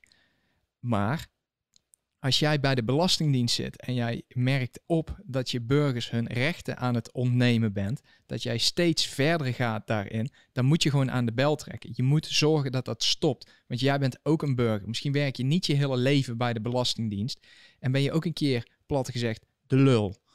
Ja. En dan is het te laat. En als zij hier op het gebied van belastingheffing al zo ver gaan in het uh, wegnemen van burgerrechten, dan kan ik jullie garanderen, iemand noemde net al jeugdzorg, ik garandeer jullie dat dat niet het enige gebied is waarop jullie rechten ingekort worden. Dus dan kan iedereen lopen zeiken over COVID en weet ik het allemaal. Ik denk echt serieus dat dat misschien nog wel het minste is waar je je zorgen over moet maken. Ja, we zullen het een andere keer ook nog meer over hebben, maar um, um, het zegt al genoeg dat ze dus niet eens aan Nederland ik zie trouwens, het was net 2-2 en nu is het alweer 3-2. Dus Nederland staat weer voor. Kunnen jullie even laten weten wat voor wedstrijd het is? Want uh, het is, uh, ja, of het een leuke wedstrijd is. Maar, nou, het zijn veel goals, dus dat is waarschijnlijk wel leuk. Maar het is wel spannend. Dus uh, nog zes minuten of vijf minuten of zo. Ik ben benieuwd. En de het zegt dus genoeg dat de Tweede Kamer nu de hulp van buitenaf. En dat, het zegt genoeg dat Eva González Perez in Spanje wordt uh, gehuldigd. Ze kunnen het in Nederland, ze willen het in Nederland niet oplossen. Ze willen dit niet oplossen, want dan moet het hele systeem op de schop. Maar het gaat gewoon, het gaat imploderen. Dus ze kunnen lang of kort, ze kunnen het nu Net zoals dat in 2019 dat die memo hebben weggemoffeld. Alles komt uiteindelijk uit. De waarheid komt altijd uit. Dus waarom zou je het proberen? Want uiteindelijk komt het toch uit. Nou, gezien er nu zoveel mensen zitten kijken, nog wel een vraagje. Of uh, mochten jullie iets weten over het begrip gesloten systeem binnen de overheid? Dan ben ik heel benieuwd naar die informatie en dan uh, of jullie dat willen sturen naar tips.lonneke.com. En ik zie Gesloten dat, uh, systeem bij de overheid. Ik wil eventjes uh, Dick ook nog bedanken voor dus, uh, dat je superchat. Daarmee steun je mij met een trouwe kijker voor mij. Vind ik hartstikke leuk. Maar over de Marsha Blackburn, Dirk, heb jij het al gevonden, die video op YouTube? Nee, want ik weet echt niet waar daarheen gestuurd is. Ik probeerde altijd de e-mail binnen te halen, maar ik... Nee, maar iemand zei dat ze het hebben... Die staat in de chat. Hadden ze gezegd waar je het op moet zoeken op YouTube. Nou, een ogenblikje. Ik ga daar achter. Dirk gaat nog even doorkijken. Um, de waarheid zal uiteindelijk overwinnen. Dat klopt. Um, blijf ook jezelf. Ja, spendeer tijd met podcasts. Luister naar verhalen. Um, ik zag dat die Jorn Luca, die had weer eentje met die Rijn Voelmich. Reiner Voelmich, die advocaat. ik zag ook dat, uh, dat, dat ja, je hebt heel veel mensen die dus zich uitspreken en die hebben podcast en die beginnen klein. Maar dat is net zo belangrijk en net zo belangrijk voor informatie waar jij verder mee kan in je leven. Dat is niet alleen mijn podcast, maar er zijn ook andere podcasts. En ik doe dat zelf ook. Ik ben ook lid van een aantal uh, ja, podcasts en dingen. En als ik iets interessants zie, dan ga ik daar ook. Want ik vind gewoon, als ik het vraag aan mensen van steun mij, dan moet ik ook laten zien dat ik dat zelf doe. Dus ik bijvoorbeeld ben sinds kort lid van de kapiteinenlijn van Yves Geiraat en um, Erik de Vlieger, die hebben ook altijd van die hele interessante gesprekken over gewoon over hoe iets gaat. Zo'n deal bijvoorbeeld met Siewert van Linden, dat is hartstikke interessant. En um, het is, ja, vaak is het zo dat mensen als alles gratis is, dan zijn, doen ze het, vinden ze het niet zoveel waard. Maar als zij dus ervoor betalen, dan vinden ze het ineens meer waardevol. Dat is een psychologisch iets. Hetzelfde met die dure merken. Sommige mensen vinden dan een, een trui van Louis Vuitton, zijn ze voorzichtiger mee omdat die dan duurder is, terwijl de kwaliteit hetzelfde is als een, weet ik veel, een ander merk, Zara of iets wat goedkoop is. Uh, en die Zara doen ze gewoon minder goed verzorgen, terwijl dat gewoon de perceptie is. Het is gewoon, jij hebt daar veel geld voor betaald, dus dan heb, vind je dat het meer waard is. Terwijl de kwaliteit, misschien is zelfs die, ja, Zara is misschien niet het beste voorbeeld, maar gewoon een ander, of vintage, dat is misschien betere kwaliteit en een beter product, maar daar heb je dan minder ja, Jij vindt de andere meer waardevol. Dus het is schijnbaar psychologisch iets dat als je voor iets betaalt, dat je het ook meer serieus gaat nemen en dat je het ook meer gaat waarderen. En iemand Hun hadden ook een heel goed stuk trouwens over de Belastingdienst. Ja? Al een hele tijd geleden, maar echt heel uh, goed. Oké, dan gaan we dan de volgende keer. En, en de vlieger die kan ook gewoon zijn mond niet houden. Die, die klapt er ook gewoon alles uit als hij er niet mee eens is. En dat kan ik heel erg waarderen. Ik denk dat daar gewoon komt met wat er vroeger met hem met uh, Euro, wat was het? Holland Air. Die weet ook dat. Hoe heet dat, dat ook alweer wat hij toen had? Iets, een vliegmaatschappij. Maar die weet ook dat het gewoon niet uitmaakt. Heel veel eh, juristen zeggen, ja, maar je kan het beter rustig houden, stil maar houden. Het maakt niet uit. Als, zij een, als zij een target op jouw rug hebben geplakt, dan willen ze jou kapot hebben. Ja, dan en dan dus kun je, maar, kun je er maar beter met zoveel mogelijk mensen over praten. Want je kan alleen maar informatie inwinnen ja. Uh, dan dat je je mond dicht houdt. En uh, iemand die mij steunt is Hugo bijvoorbeeld. En dankjewel Hugo, een van mijn patrons die nog even een waardering uit. Is het nou einde? Nee, het is nog steeds geen einde. Het is nu, het is nu nog steeds 3-2 voor Nederland. Ik uh, hoop dat jullie dat leuk vinden. Dankjewel Hugo voor je super sticker. I like it. Maar we wachten nog steeds even gewoon de, de, de, de wedstrijd af. Hè? We zijn benieuwd. Ik ga morgen. Ik heb, ben morgen jarig en ik uh, heb gewoon mijn verjaardagsfeestje. Ik heb niet echt een feestje. Ik heb gewoon elke avond iets leuks. Um, ja, dat uit eten gaan met vrienden. Gewoon meer special quality time. Maar ik dacht, ik ga gewoon op mijn verjaardag, want het is ook Trump's verjaardag. Ga ik gewoon ook een live chat doen. En dan ga ik uh, een cadeautje wat ik van Dirk heb gehad ik heb van Dirk dit gehad. Dus niks gesponsord, maar een Friends Lego set. Dus kom gezellig met mij Lego of iets anders doen. Dan lekker te dus Been heeft hij eigenlijk uitgezocht. Die trok mij daar naar binnen. Dus oh. credits voor Been. Been wilde naar de Lego store. En uh, ja, ik weet niet of het snel of niet snel gaat, weet ik veel. Het is gewoon een probeersel om te kijken of het leuk is om een soort... Uh, weet je, vroeger had je... Uh, wat was het? creatief met Kurk en of wat is het? Klussen met Kijker en Bob Ross. Dat je echt super lange aflevering had dat hij allemaal die bomen ging verven en zo. Op een of andere manier is dat, ik vind het zelf ook wel leuk om van die video's te kijken als mensen dingen aan het bouwen zijn. Want ik weet ik veel of dat, of koken. Ja, dus ehm, ik ga dat gewoon doen en dan zien we. Nee, ik heb niet de woke Lego set genomen. Ja, er is inderdaad ook een woke Lego set. Misschien kan Dirk die laten zien. Die is op zich vind ik wel leuk bedacht, maar zoals jullie misschien gehoord hebben, de nieuwe vlag van de van de LGBTQ. Daar zit nu ineens allemaal andere kleuren bij. Het lijkt nu meer op een Zuid-Afrikaanse vlag. Dus ze hebben er een soort hoekje uitgehaald met bruine streep, zwarte streep, lichtroze, lichtblauw, wit. Dus het wordt steeds drukker. Dus die zijn niet helemaal meegenomen volgens mij in deze Lego set. Maar uiteindelijk wordt het gewoon een witte vlag. Want dan hebben ze alle kleurtjes en zoveel lijnen als bij elkaar dat het helemaal... Dat is toch, als alle kleuren bij elkaar komen, is toch allemaal, wordt het wit licht, toch? Als alle kleuren licht bij elkaar komen, is het toch wit licht? Ja. Ja, dus uh, dan wordt het straks gewoon een witte vlag. En nou, leuk dat jullie dat, dat een aantal mensen al kijken. Is het al klaar met? Oh nee, het is al twee minuten erbij.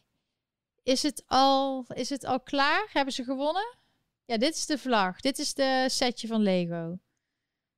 Nou, hij is er helemaal blij mee. Je kan er volgens mij niks mee, maar het is zo'n ding waar je neerzet, zo wat je. Ja, maar dat is hetzelfde als de New York ding wat je hebt staan. Daar ik kun je ook niks mee. Niet hoe, lang, eh, hoe laat ik begin met mijn Lego. Maar waarschijnlijk ben ik wel een paar uur bezig, dus je zal me wel gewoon wanneer je er op mijn YouTube channel kijkt. Maar daarom zeg ik ook subscribe, like deze video, subscribe deze video en doe ook die get notified, die dat uh, belletje. Druk erop. Tenminste, ik neem aan dat dat er staat eronder. Toch, Dirk? Ja, ja. Uh, en, dan, en dan krijg je gewoon een reactie als, je, als ik live ben. En dan kun je gewoon kijken aan het begin of het eind of zo. Uh, het kan best zijn dat we echt zes uur zitten of zo. maar dat zien we dan wel. En je kan me dan ook dingen vragen. En dan hebben we het misschien over wat andere dingen dan voetbal en stomme dingen. En wat meer over wat luchtige dingen. Dit is de nieuwe vlag van... Hij is echt, hij wordt echt steeds mooier. Um, ja. Dus uh, ik weet niet wat jullie ervan vinden. Ja, het is. Uh, maar in ieder geval. Ja, het wordt ik vraag me af hoe die er dan over een jaar of over vijf jaar weer uitziet. komt vast nog. Nee, daar komen er de kinderen bij. De, de intersex of trans kinderen. Dat is misschien dan ook nog een lijn van. Weet je wel? Want daar zijn ze nu ook alweer mee bezig. Ik ben echt benieuwd. Maar ja, de wereld is gek. En iemand zegt ook van... Um, bij de kapiteinlijn zeiden ze dat het, het systeem moet veranderen. Omzicht is nu weg. Hij heeft het heel lang geprobeerd via het systeem. Het werkt niet. Die mensen zitten er nog. Kost wat kost, moeten ze macht houden, want ze de hele WEF. Hetzelfde met de vaccins. Alles is een systeem wat van bovenaf willen ze dat regelen. En als iedereen stil is, dan gaan ze, dan lukt het ze ook. Dus het is een keuze. Vroeger was het zo dat je helemaal niks meer hoefde te doen en dat je gewoon lekker kon leven. Maar nu de toekomst, wat is er nog leuk om naar uit te kijken op dit moment? Er is eigenlijk niks. Dus het is nu eigenlijk een soort ideologische oorlog waarbij je kan moet kiezen. Wat wil ik? Wil ik gevaccineerd worden of niet? Waar sta ik? Waar vecht ik voor? Mensen moeten nu gewoon meer zich uitspreken. Ook mensen die dat dan nooit willen of nooit hebben gedaan. Het is gewoon de tijd om dat te doen. En het is vervelend, maar ik, ik help jullie gewoon om dat toch te doen. Nee, je moet gewoon soms eens je laaie reet van de stoel bewegen en niet denken van... hé, hey, ik heb er op dit moment geen last van, dus laat het maar gaan. Je, je moet niet dingen laten gaan tot het niet meer anders kan. Uh, René heeft nog een goede en de terug omgebouwde. Ja, het kan best zijn, want er zijn ook, ook transgenders die we terug willen. Dat is nou, echt een grote groep ook. Misschien moeten ze eerst eens met Lego proberen voordat ze aan zichzelf gaan werken. Ja, gewoon iets bouwen. Want dan kun je het nog wel terugbouwen. Ja, het is ook een stuk goedkoper. En dan hebben andere mensen er ook geen last van. Met uh, al die kosten, want de belasting in Nederland ook, volgens mij is het gewoon, wordt het betaald en zo. Ja, ik, we moeten de, de IKEA zo niet op ideeën brengen. Dus ja, dat, uh, dat las ik. Ja, het is gewoon. Uh, weet, is het nou. Oh, het is, het is. Nederland heeft gewonnen. Nederland heeft gewonnen. Dan heeft Nederland gewonnen. Yay! Oké. Ik weet niet eens trouwens. Ik volg het helemaal niet. Maar is dit nou echt al het EK of is dit een voorselectie? Of ja, ik volg het helemaal niet. Volgens mij is het toch het EK, toch? Normaal. volgens mij is het gewoon echt serieuze. Echte ja, normaal, shit gewoon. Normaal heb je dus dat ehm, wij hier in New York had je vroeger had je altijd uh, dat Nederlanders bij elkaar kwamen bij bijvoorbeeld de Tonic Bar, dat was op Times Square. Daar hebben we allemaal Nederlanders ontmoet en dan ging je gewoon spontaan de wedstrijd kijken. Nou, oh, kom, we gaan met z'n allen pizza eten. En dan hebben we echt superleuke contacten en leuke dag. Dat is een beetje New York, dat je spontaan nieuwe mensen ontmoet en dan ga je naar wedstrijd en dan ga je weer daar en dan weet je wel, die je niet kent. Dat is, dat is echt het leuke aan New York altijd. Het allerleukste was, als ook toen met het WK, toen Amerika zelf ook speelde, dat Amerikanen niet alleen juichen voor hun eigen team, maar ook voor de tegenstander. En echt meeleven met de tegenstander. Ja, het voetbal is, echt... is, heel anders hier. Iedereen vindt het leuk. En dan, ik ben wel eens hier naar een wedstrijd van Red Bulls geweest. En dan zijn er ook ouders met baby's en zo, die zitten op de tribune. En dan, als iemand dan net het niet heeft gehaald, dan is het echt zo Oh, en ook de tegenstander. Oh, en iedereen is allemaal heel vrolijk. En ze zitten allemaal te tailgaten. Dus buiten het stadion staan ze met z'n allen een beetje te barbecue en een beetje in te drinken voor de wedstrijd. Dat hoort echt bij de cultuur. De Amerikaanse cultuur, dat is heel leuk. Dus wat dat betreft kun je beter in Amerika naar voetbalwedstrijden kijken. Want dan heb je echt een leuke sfeer. Nou, en David Beckham, die is dan volgens mij van Miami. Is hij helemaal het uh, paradeplaatje, paardje. Ehm, ja, en je hebt uh, ook wel Nederlanders die naar Amerika gaan om hier les te geven of te trainen. En ehm, ja, het is hier heel erg aan het opkomen. Ik zie een sticker van Sis. Dankjewel.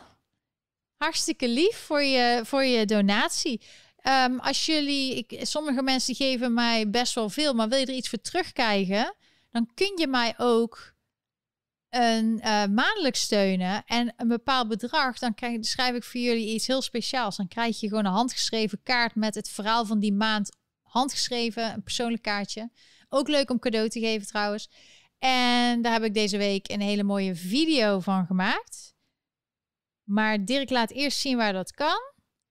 En dan krijg je er gewoon um, ja, er staat dus bij precies voor welk bedrag je wat krijgt. Want het, ja, ik, ik print, ik laat zelf die kaarten printen bij een uh, printshop die het heel mooi doet.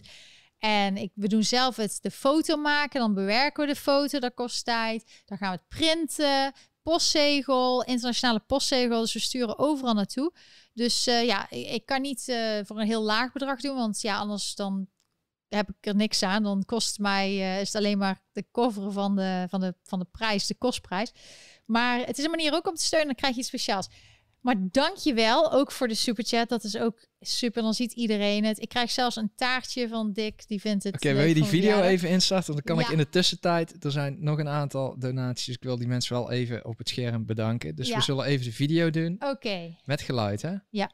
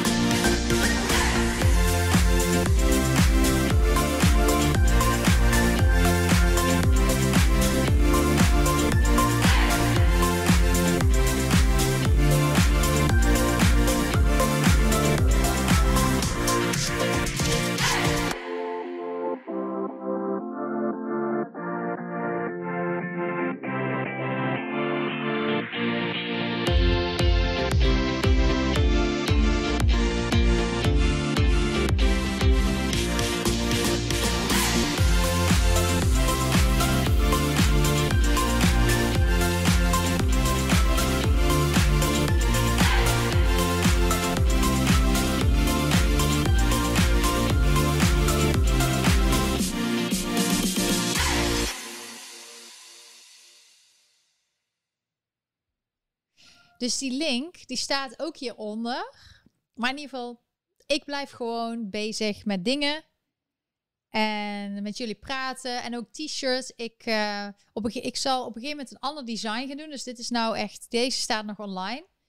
Bij, ook de linkje onder bij teespring.com. Dat is ook een bedrijf die dus uh, kleine ondernemers en uh, mensen die op YouTube zitten, steun me dat je je eigen merchandise kan hebben. Bijvoorbeeld, ik vond deze tekening heb ik zelf gemaakt. En cancel, cancel culture.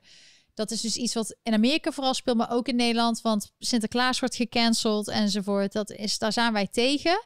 We vinden dat mensen gewoon eigen tradities moeten houden en daar trots op moeten zijn als het, uh, ja, vooral als het niet mensen lichamelijk of dieren lichamelijk kwetst. Want uh, als jij, je kan wel alles gekwetst worden, want dat is in Amerika dus heel erg aan de hand. Maar dan moet alles gecanceld worden, kun je nooit meer iets zeggen. En dat is niet gezond. Je moet gewoon wel mensen blijven, ja, uh, de kans geven om zichzelf te kunnen uiten en waar zij voor staan. Cultuur is juist leuk als je het gewoon allemaal iedereen de kans geeft, maar niet uh, dingen kapot wil maken van anderen. Dat is niet leuk.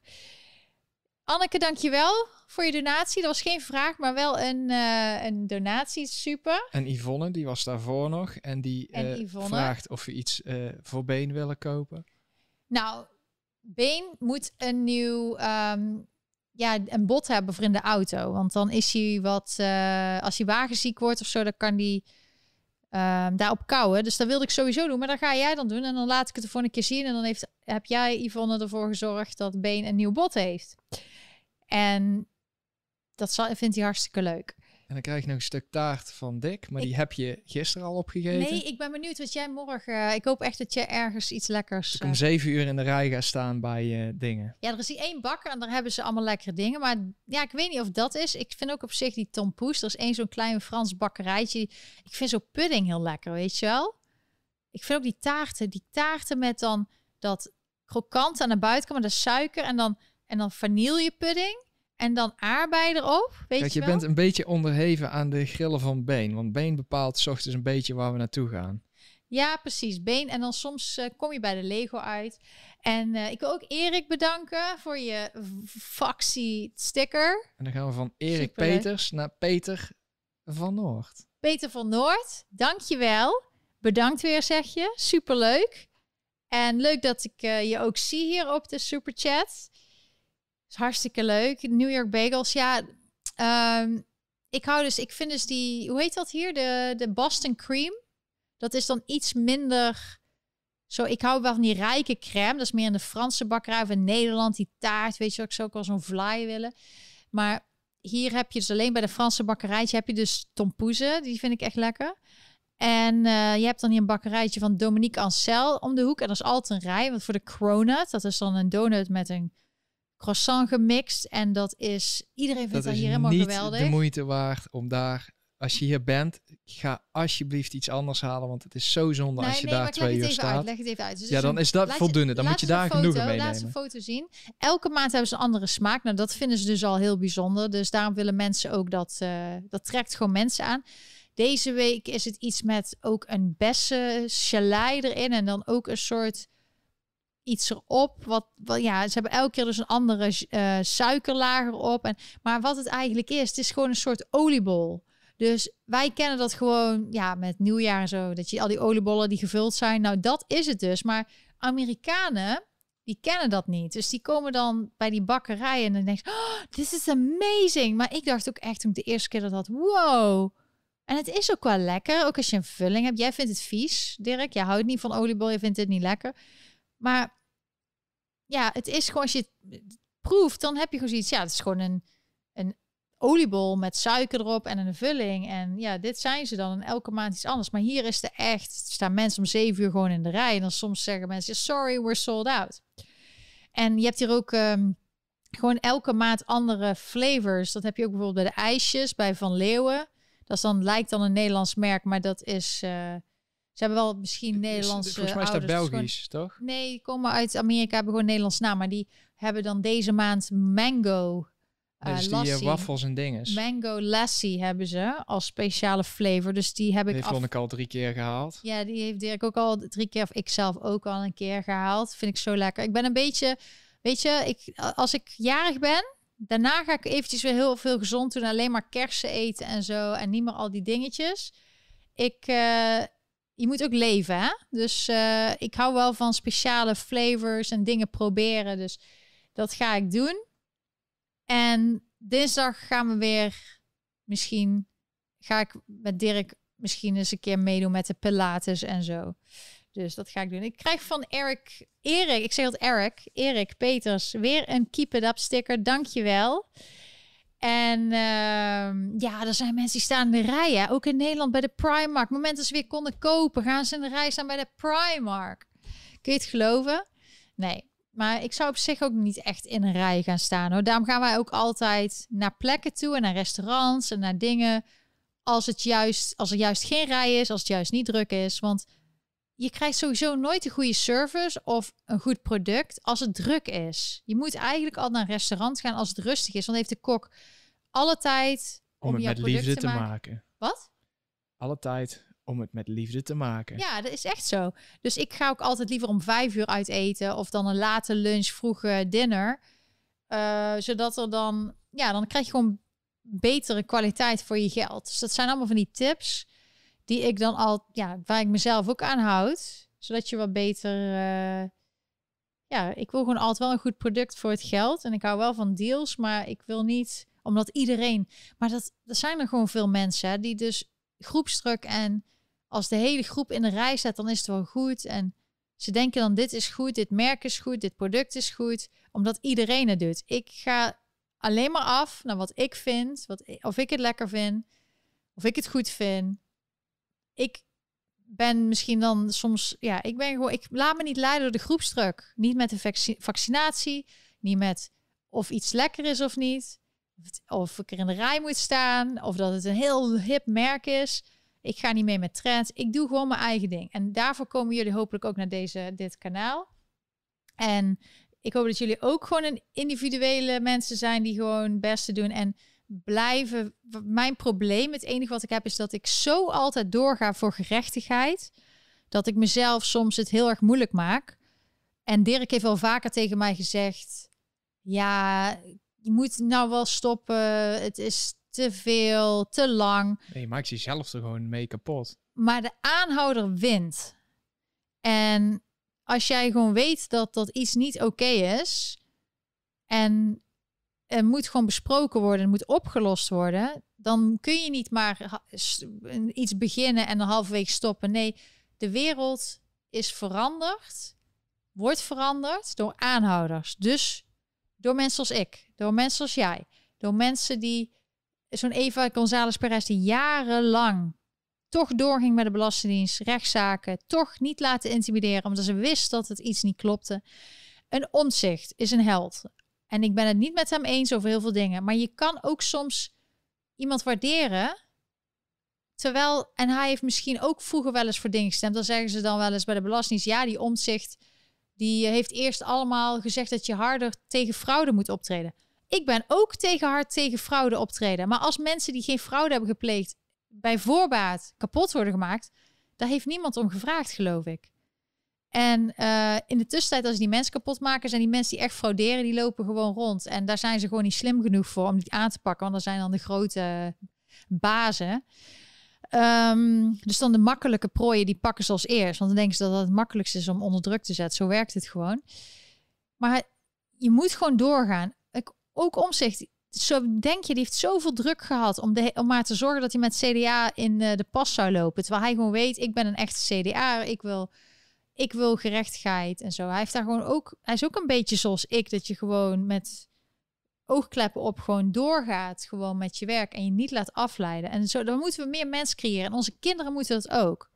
Die moeten leren, we moeten die leren om uh, nee te kunnen zeggen als ze iets niet willen doorzettingsvermogen, dat ze niet zomaar opgeven en als ze huilen of als tegenslagen zijn, is gezond. Niet dat beschermende, je moet ze wel opvangen als het niet leuk is, maar gewoon ook accepteren, ja, per volgende keer beter, worden ze alleen maar beter van. Dus er is heel veel werk aan de winkel voor ons op alle niveaus en we hebben meer mensen nodig die dit, die het corrigeren, die dit systeem, deze manier van met mensen omgaan. Dan, dan moet gewoon op een betere manier met elkaar omgegaan worden. En dat kan alleen als het goede voorbeeld nemen. Als laatste, hoe denk jij? Je kan niet van Nederlanders verwachten dat zij nette mensen zijn als er iemand als Rutte nog steeds een leidende functie heeft. Als mensen als Kaag een boegbeeld is. Dat kan niet. Je kan niet verwachten dat de Nederlanders dan wel het goed doen. Want het, het hoe zeg je dat? De moraal is de, de leider is een afspiegeling van, van, van de mensen. Dus pas als er een fatsoenlijke leider is, die niet met dat hele groepje die dit allemaal heeft veroorzaakt, maar gewoon een nieuwe. Dus ik verwacht ook op een gegeven moment wel nieuwe verkiezingen en zo. Um, ehm, dat moet gewoon een hele nieuwe garde komen. En als dat er is, dan kan het weer rechtgetrokken worden. En in Amerika, de reden dat Trump, Trump was gewoon de American pride, de trots zijn op wie je bent, op je vlag. We zijn allemaal American. We all bleed the same blood. Kijk al zijn speeches na. Vooral bijvoorbeeld de, de eerste toen hij werd geïnaugureerd. Hij zegt gewoon, we zijn allemaal hetzelfde. We bleed the same blood. We moeten met z'n allen aanpakken. En mensen waren daardoor... Alleen dan word je van binnenuit, dus door een aantal democraten die boos zijn dat hij aan de macht is gekomen. En ook wat rhino's die, die wilden tegenwerken. Dus we zagen ineens dat de hele maatschappij en de media, die gingen hun eigen Amerika tegenwerken. Ze willen niet dat Amerika succesvol is. En dat is Nederland ook aan de gang. En dat is een hele zware. Je hebt niet eens vijanden in het buitenland nodig als je vijanden binnen hebt. Dat, dat die mensen ook in Nederland in de regering niet dat op wilden lossen met de toeslagenaffaire. Weet je hoeveel tijd ze daaraan kwijt zijn? Nederland had zoveel mooier, beter kunnen zijn als ze gewoon het hadden afgehandeld en we hadden het over andere dingen kunnen hebben. En we stoppen niet totdat het helemaal opgelost is. Dus ze kunnen doen wat ze willen en nog meer traineren. Dan moeten we nog langer volhouden. Maar dan zullen we ook extra blij zijn wanneer het eindelijk wel allemaal goed geregeld is. Dus uiteindelijk zal onze geluk groter zijn, omdat het meer een strijd was om het voor elkaar te krijgen. En dat is dan waar we naar uit moeten kijken. Dat op een gegeven moment, er zal een moment komen dat dit corrigeert, omdat de waarheid zal altijd overwinnen, de eerlijkheid. En dat zal een mooi moment zijn. Maar die, dat moment tot dat moment zal zwaar zijn. En blijf gewoon moed houden en volhouden. En dat blijf ik ook doen. Vanuit hier. Ik steun jullie. Ik zou ook bij zo'n demonstratie aanwezig zijn geweest. Gewoon, ja, ik vind dat mooi. Het is uh, heel belangrijk dat we, dat we gewoon bij de basis blijven. Mensenrechten, gezondheid, goedheid voor iedereen. Ik denk dat dat heel belangrijk is. Dus daar wil ik mee eindigen vandaag. Tenzij Dirk nog iets toe te voegen heeft. Uh, nee. Nee, ik wil je bedanken voor de, voor, de, voor de steun die ik vandaag voor jullie heb gekregen. Heel veel liefde, dank je wel. En uh, morgenmiddag, dat is bij jullie s'avonds, ga ik dan beginnen. Het zal wel rond deze tijd zijn dat, uh, dat ik begin, of een twee uur, misschien iets eerder. Maar kijk wel gewoon. En dan zien we wel waar het uh, gesprek dan over gaat. Misschien hebben we weer allemaal nieuw nieuws. Zou super mooi zijn. We gaan genieten van de overwinning van Nederland. Hartstikke leuk dat Nederland gewonnen heeft. Ik weet niet met wie ze gaan spelen de volgende keer, maar dat zien we dan wel weer. Dankjewel en tot snel. Doei. Bye bye.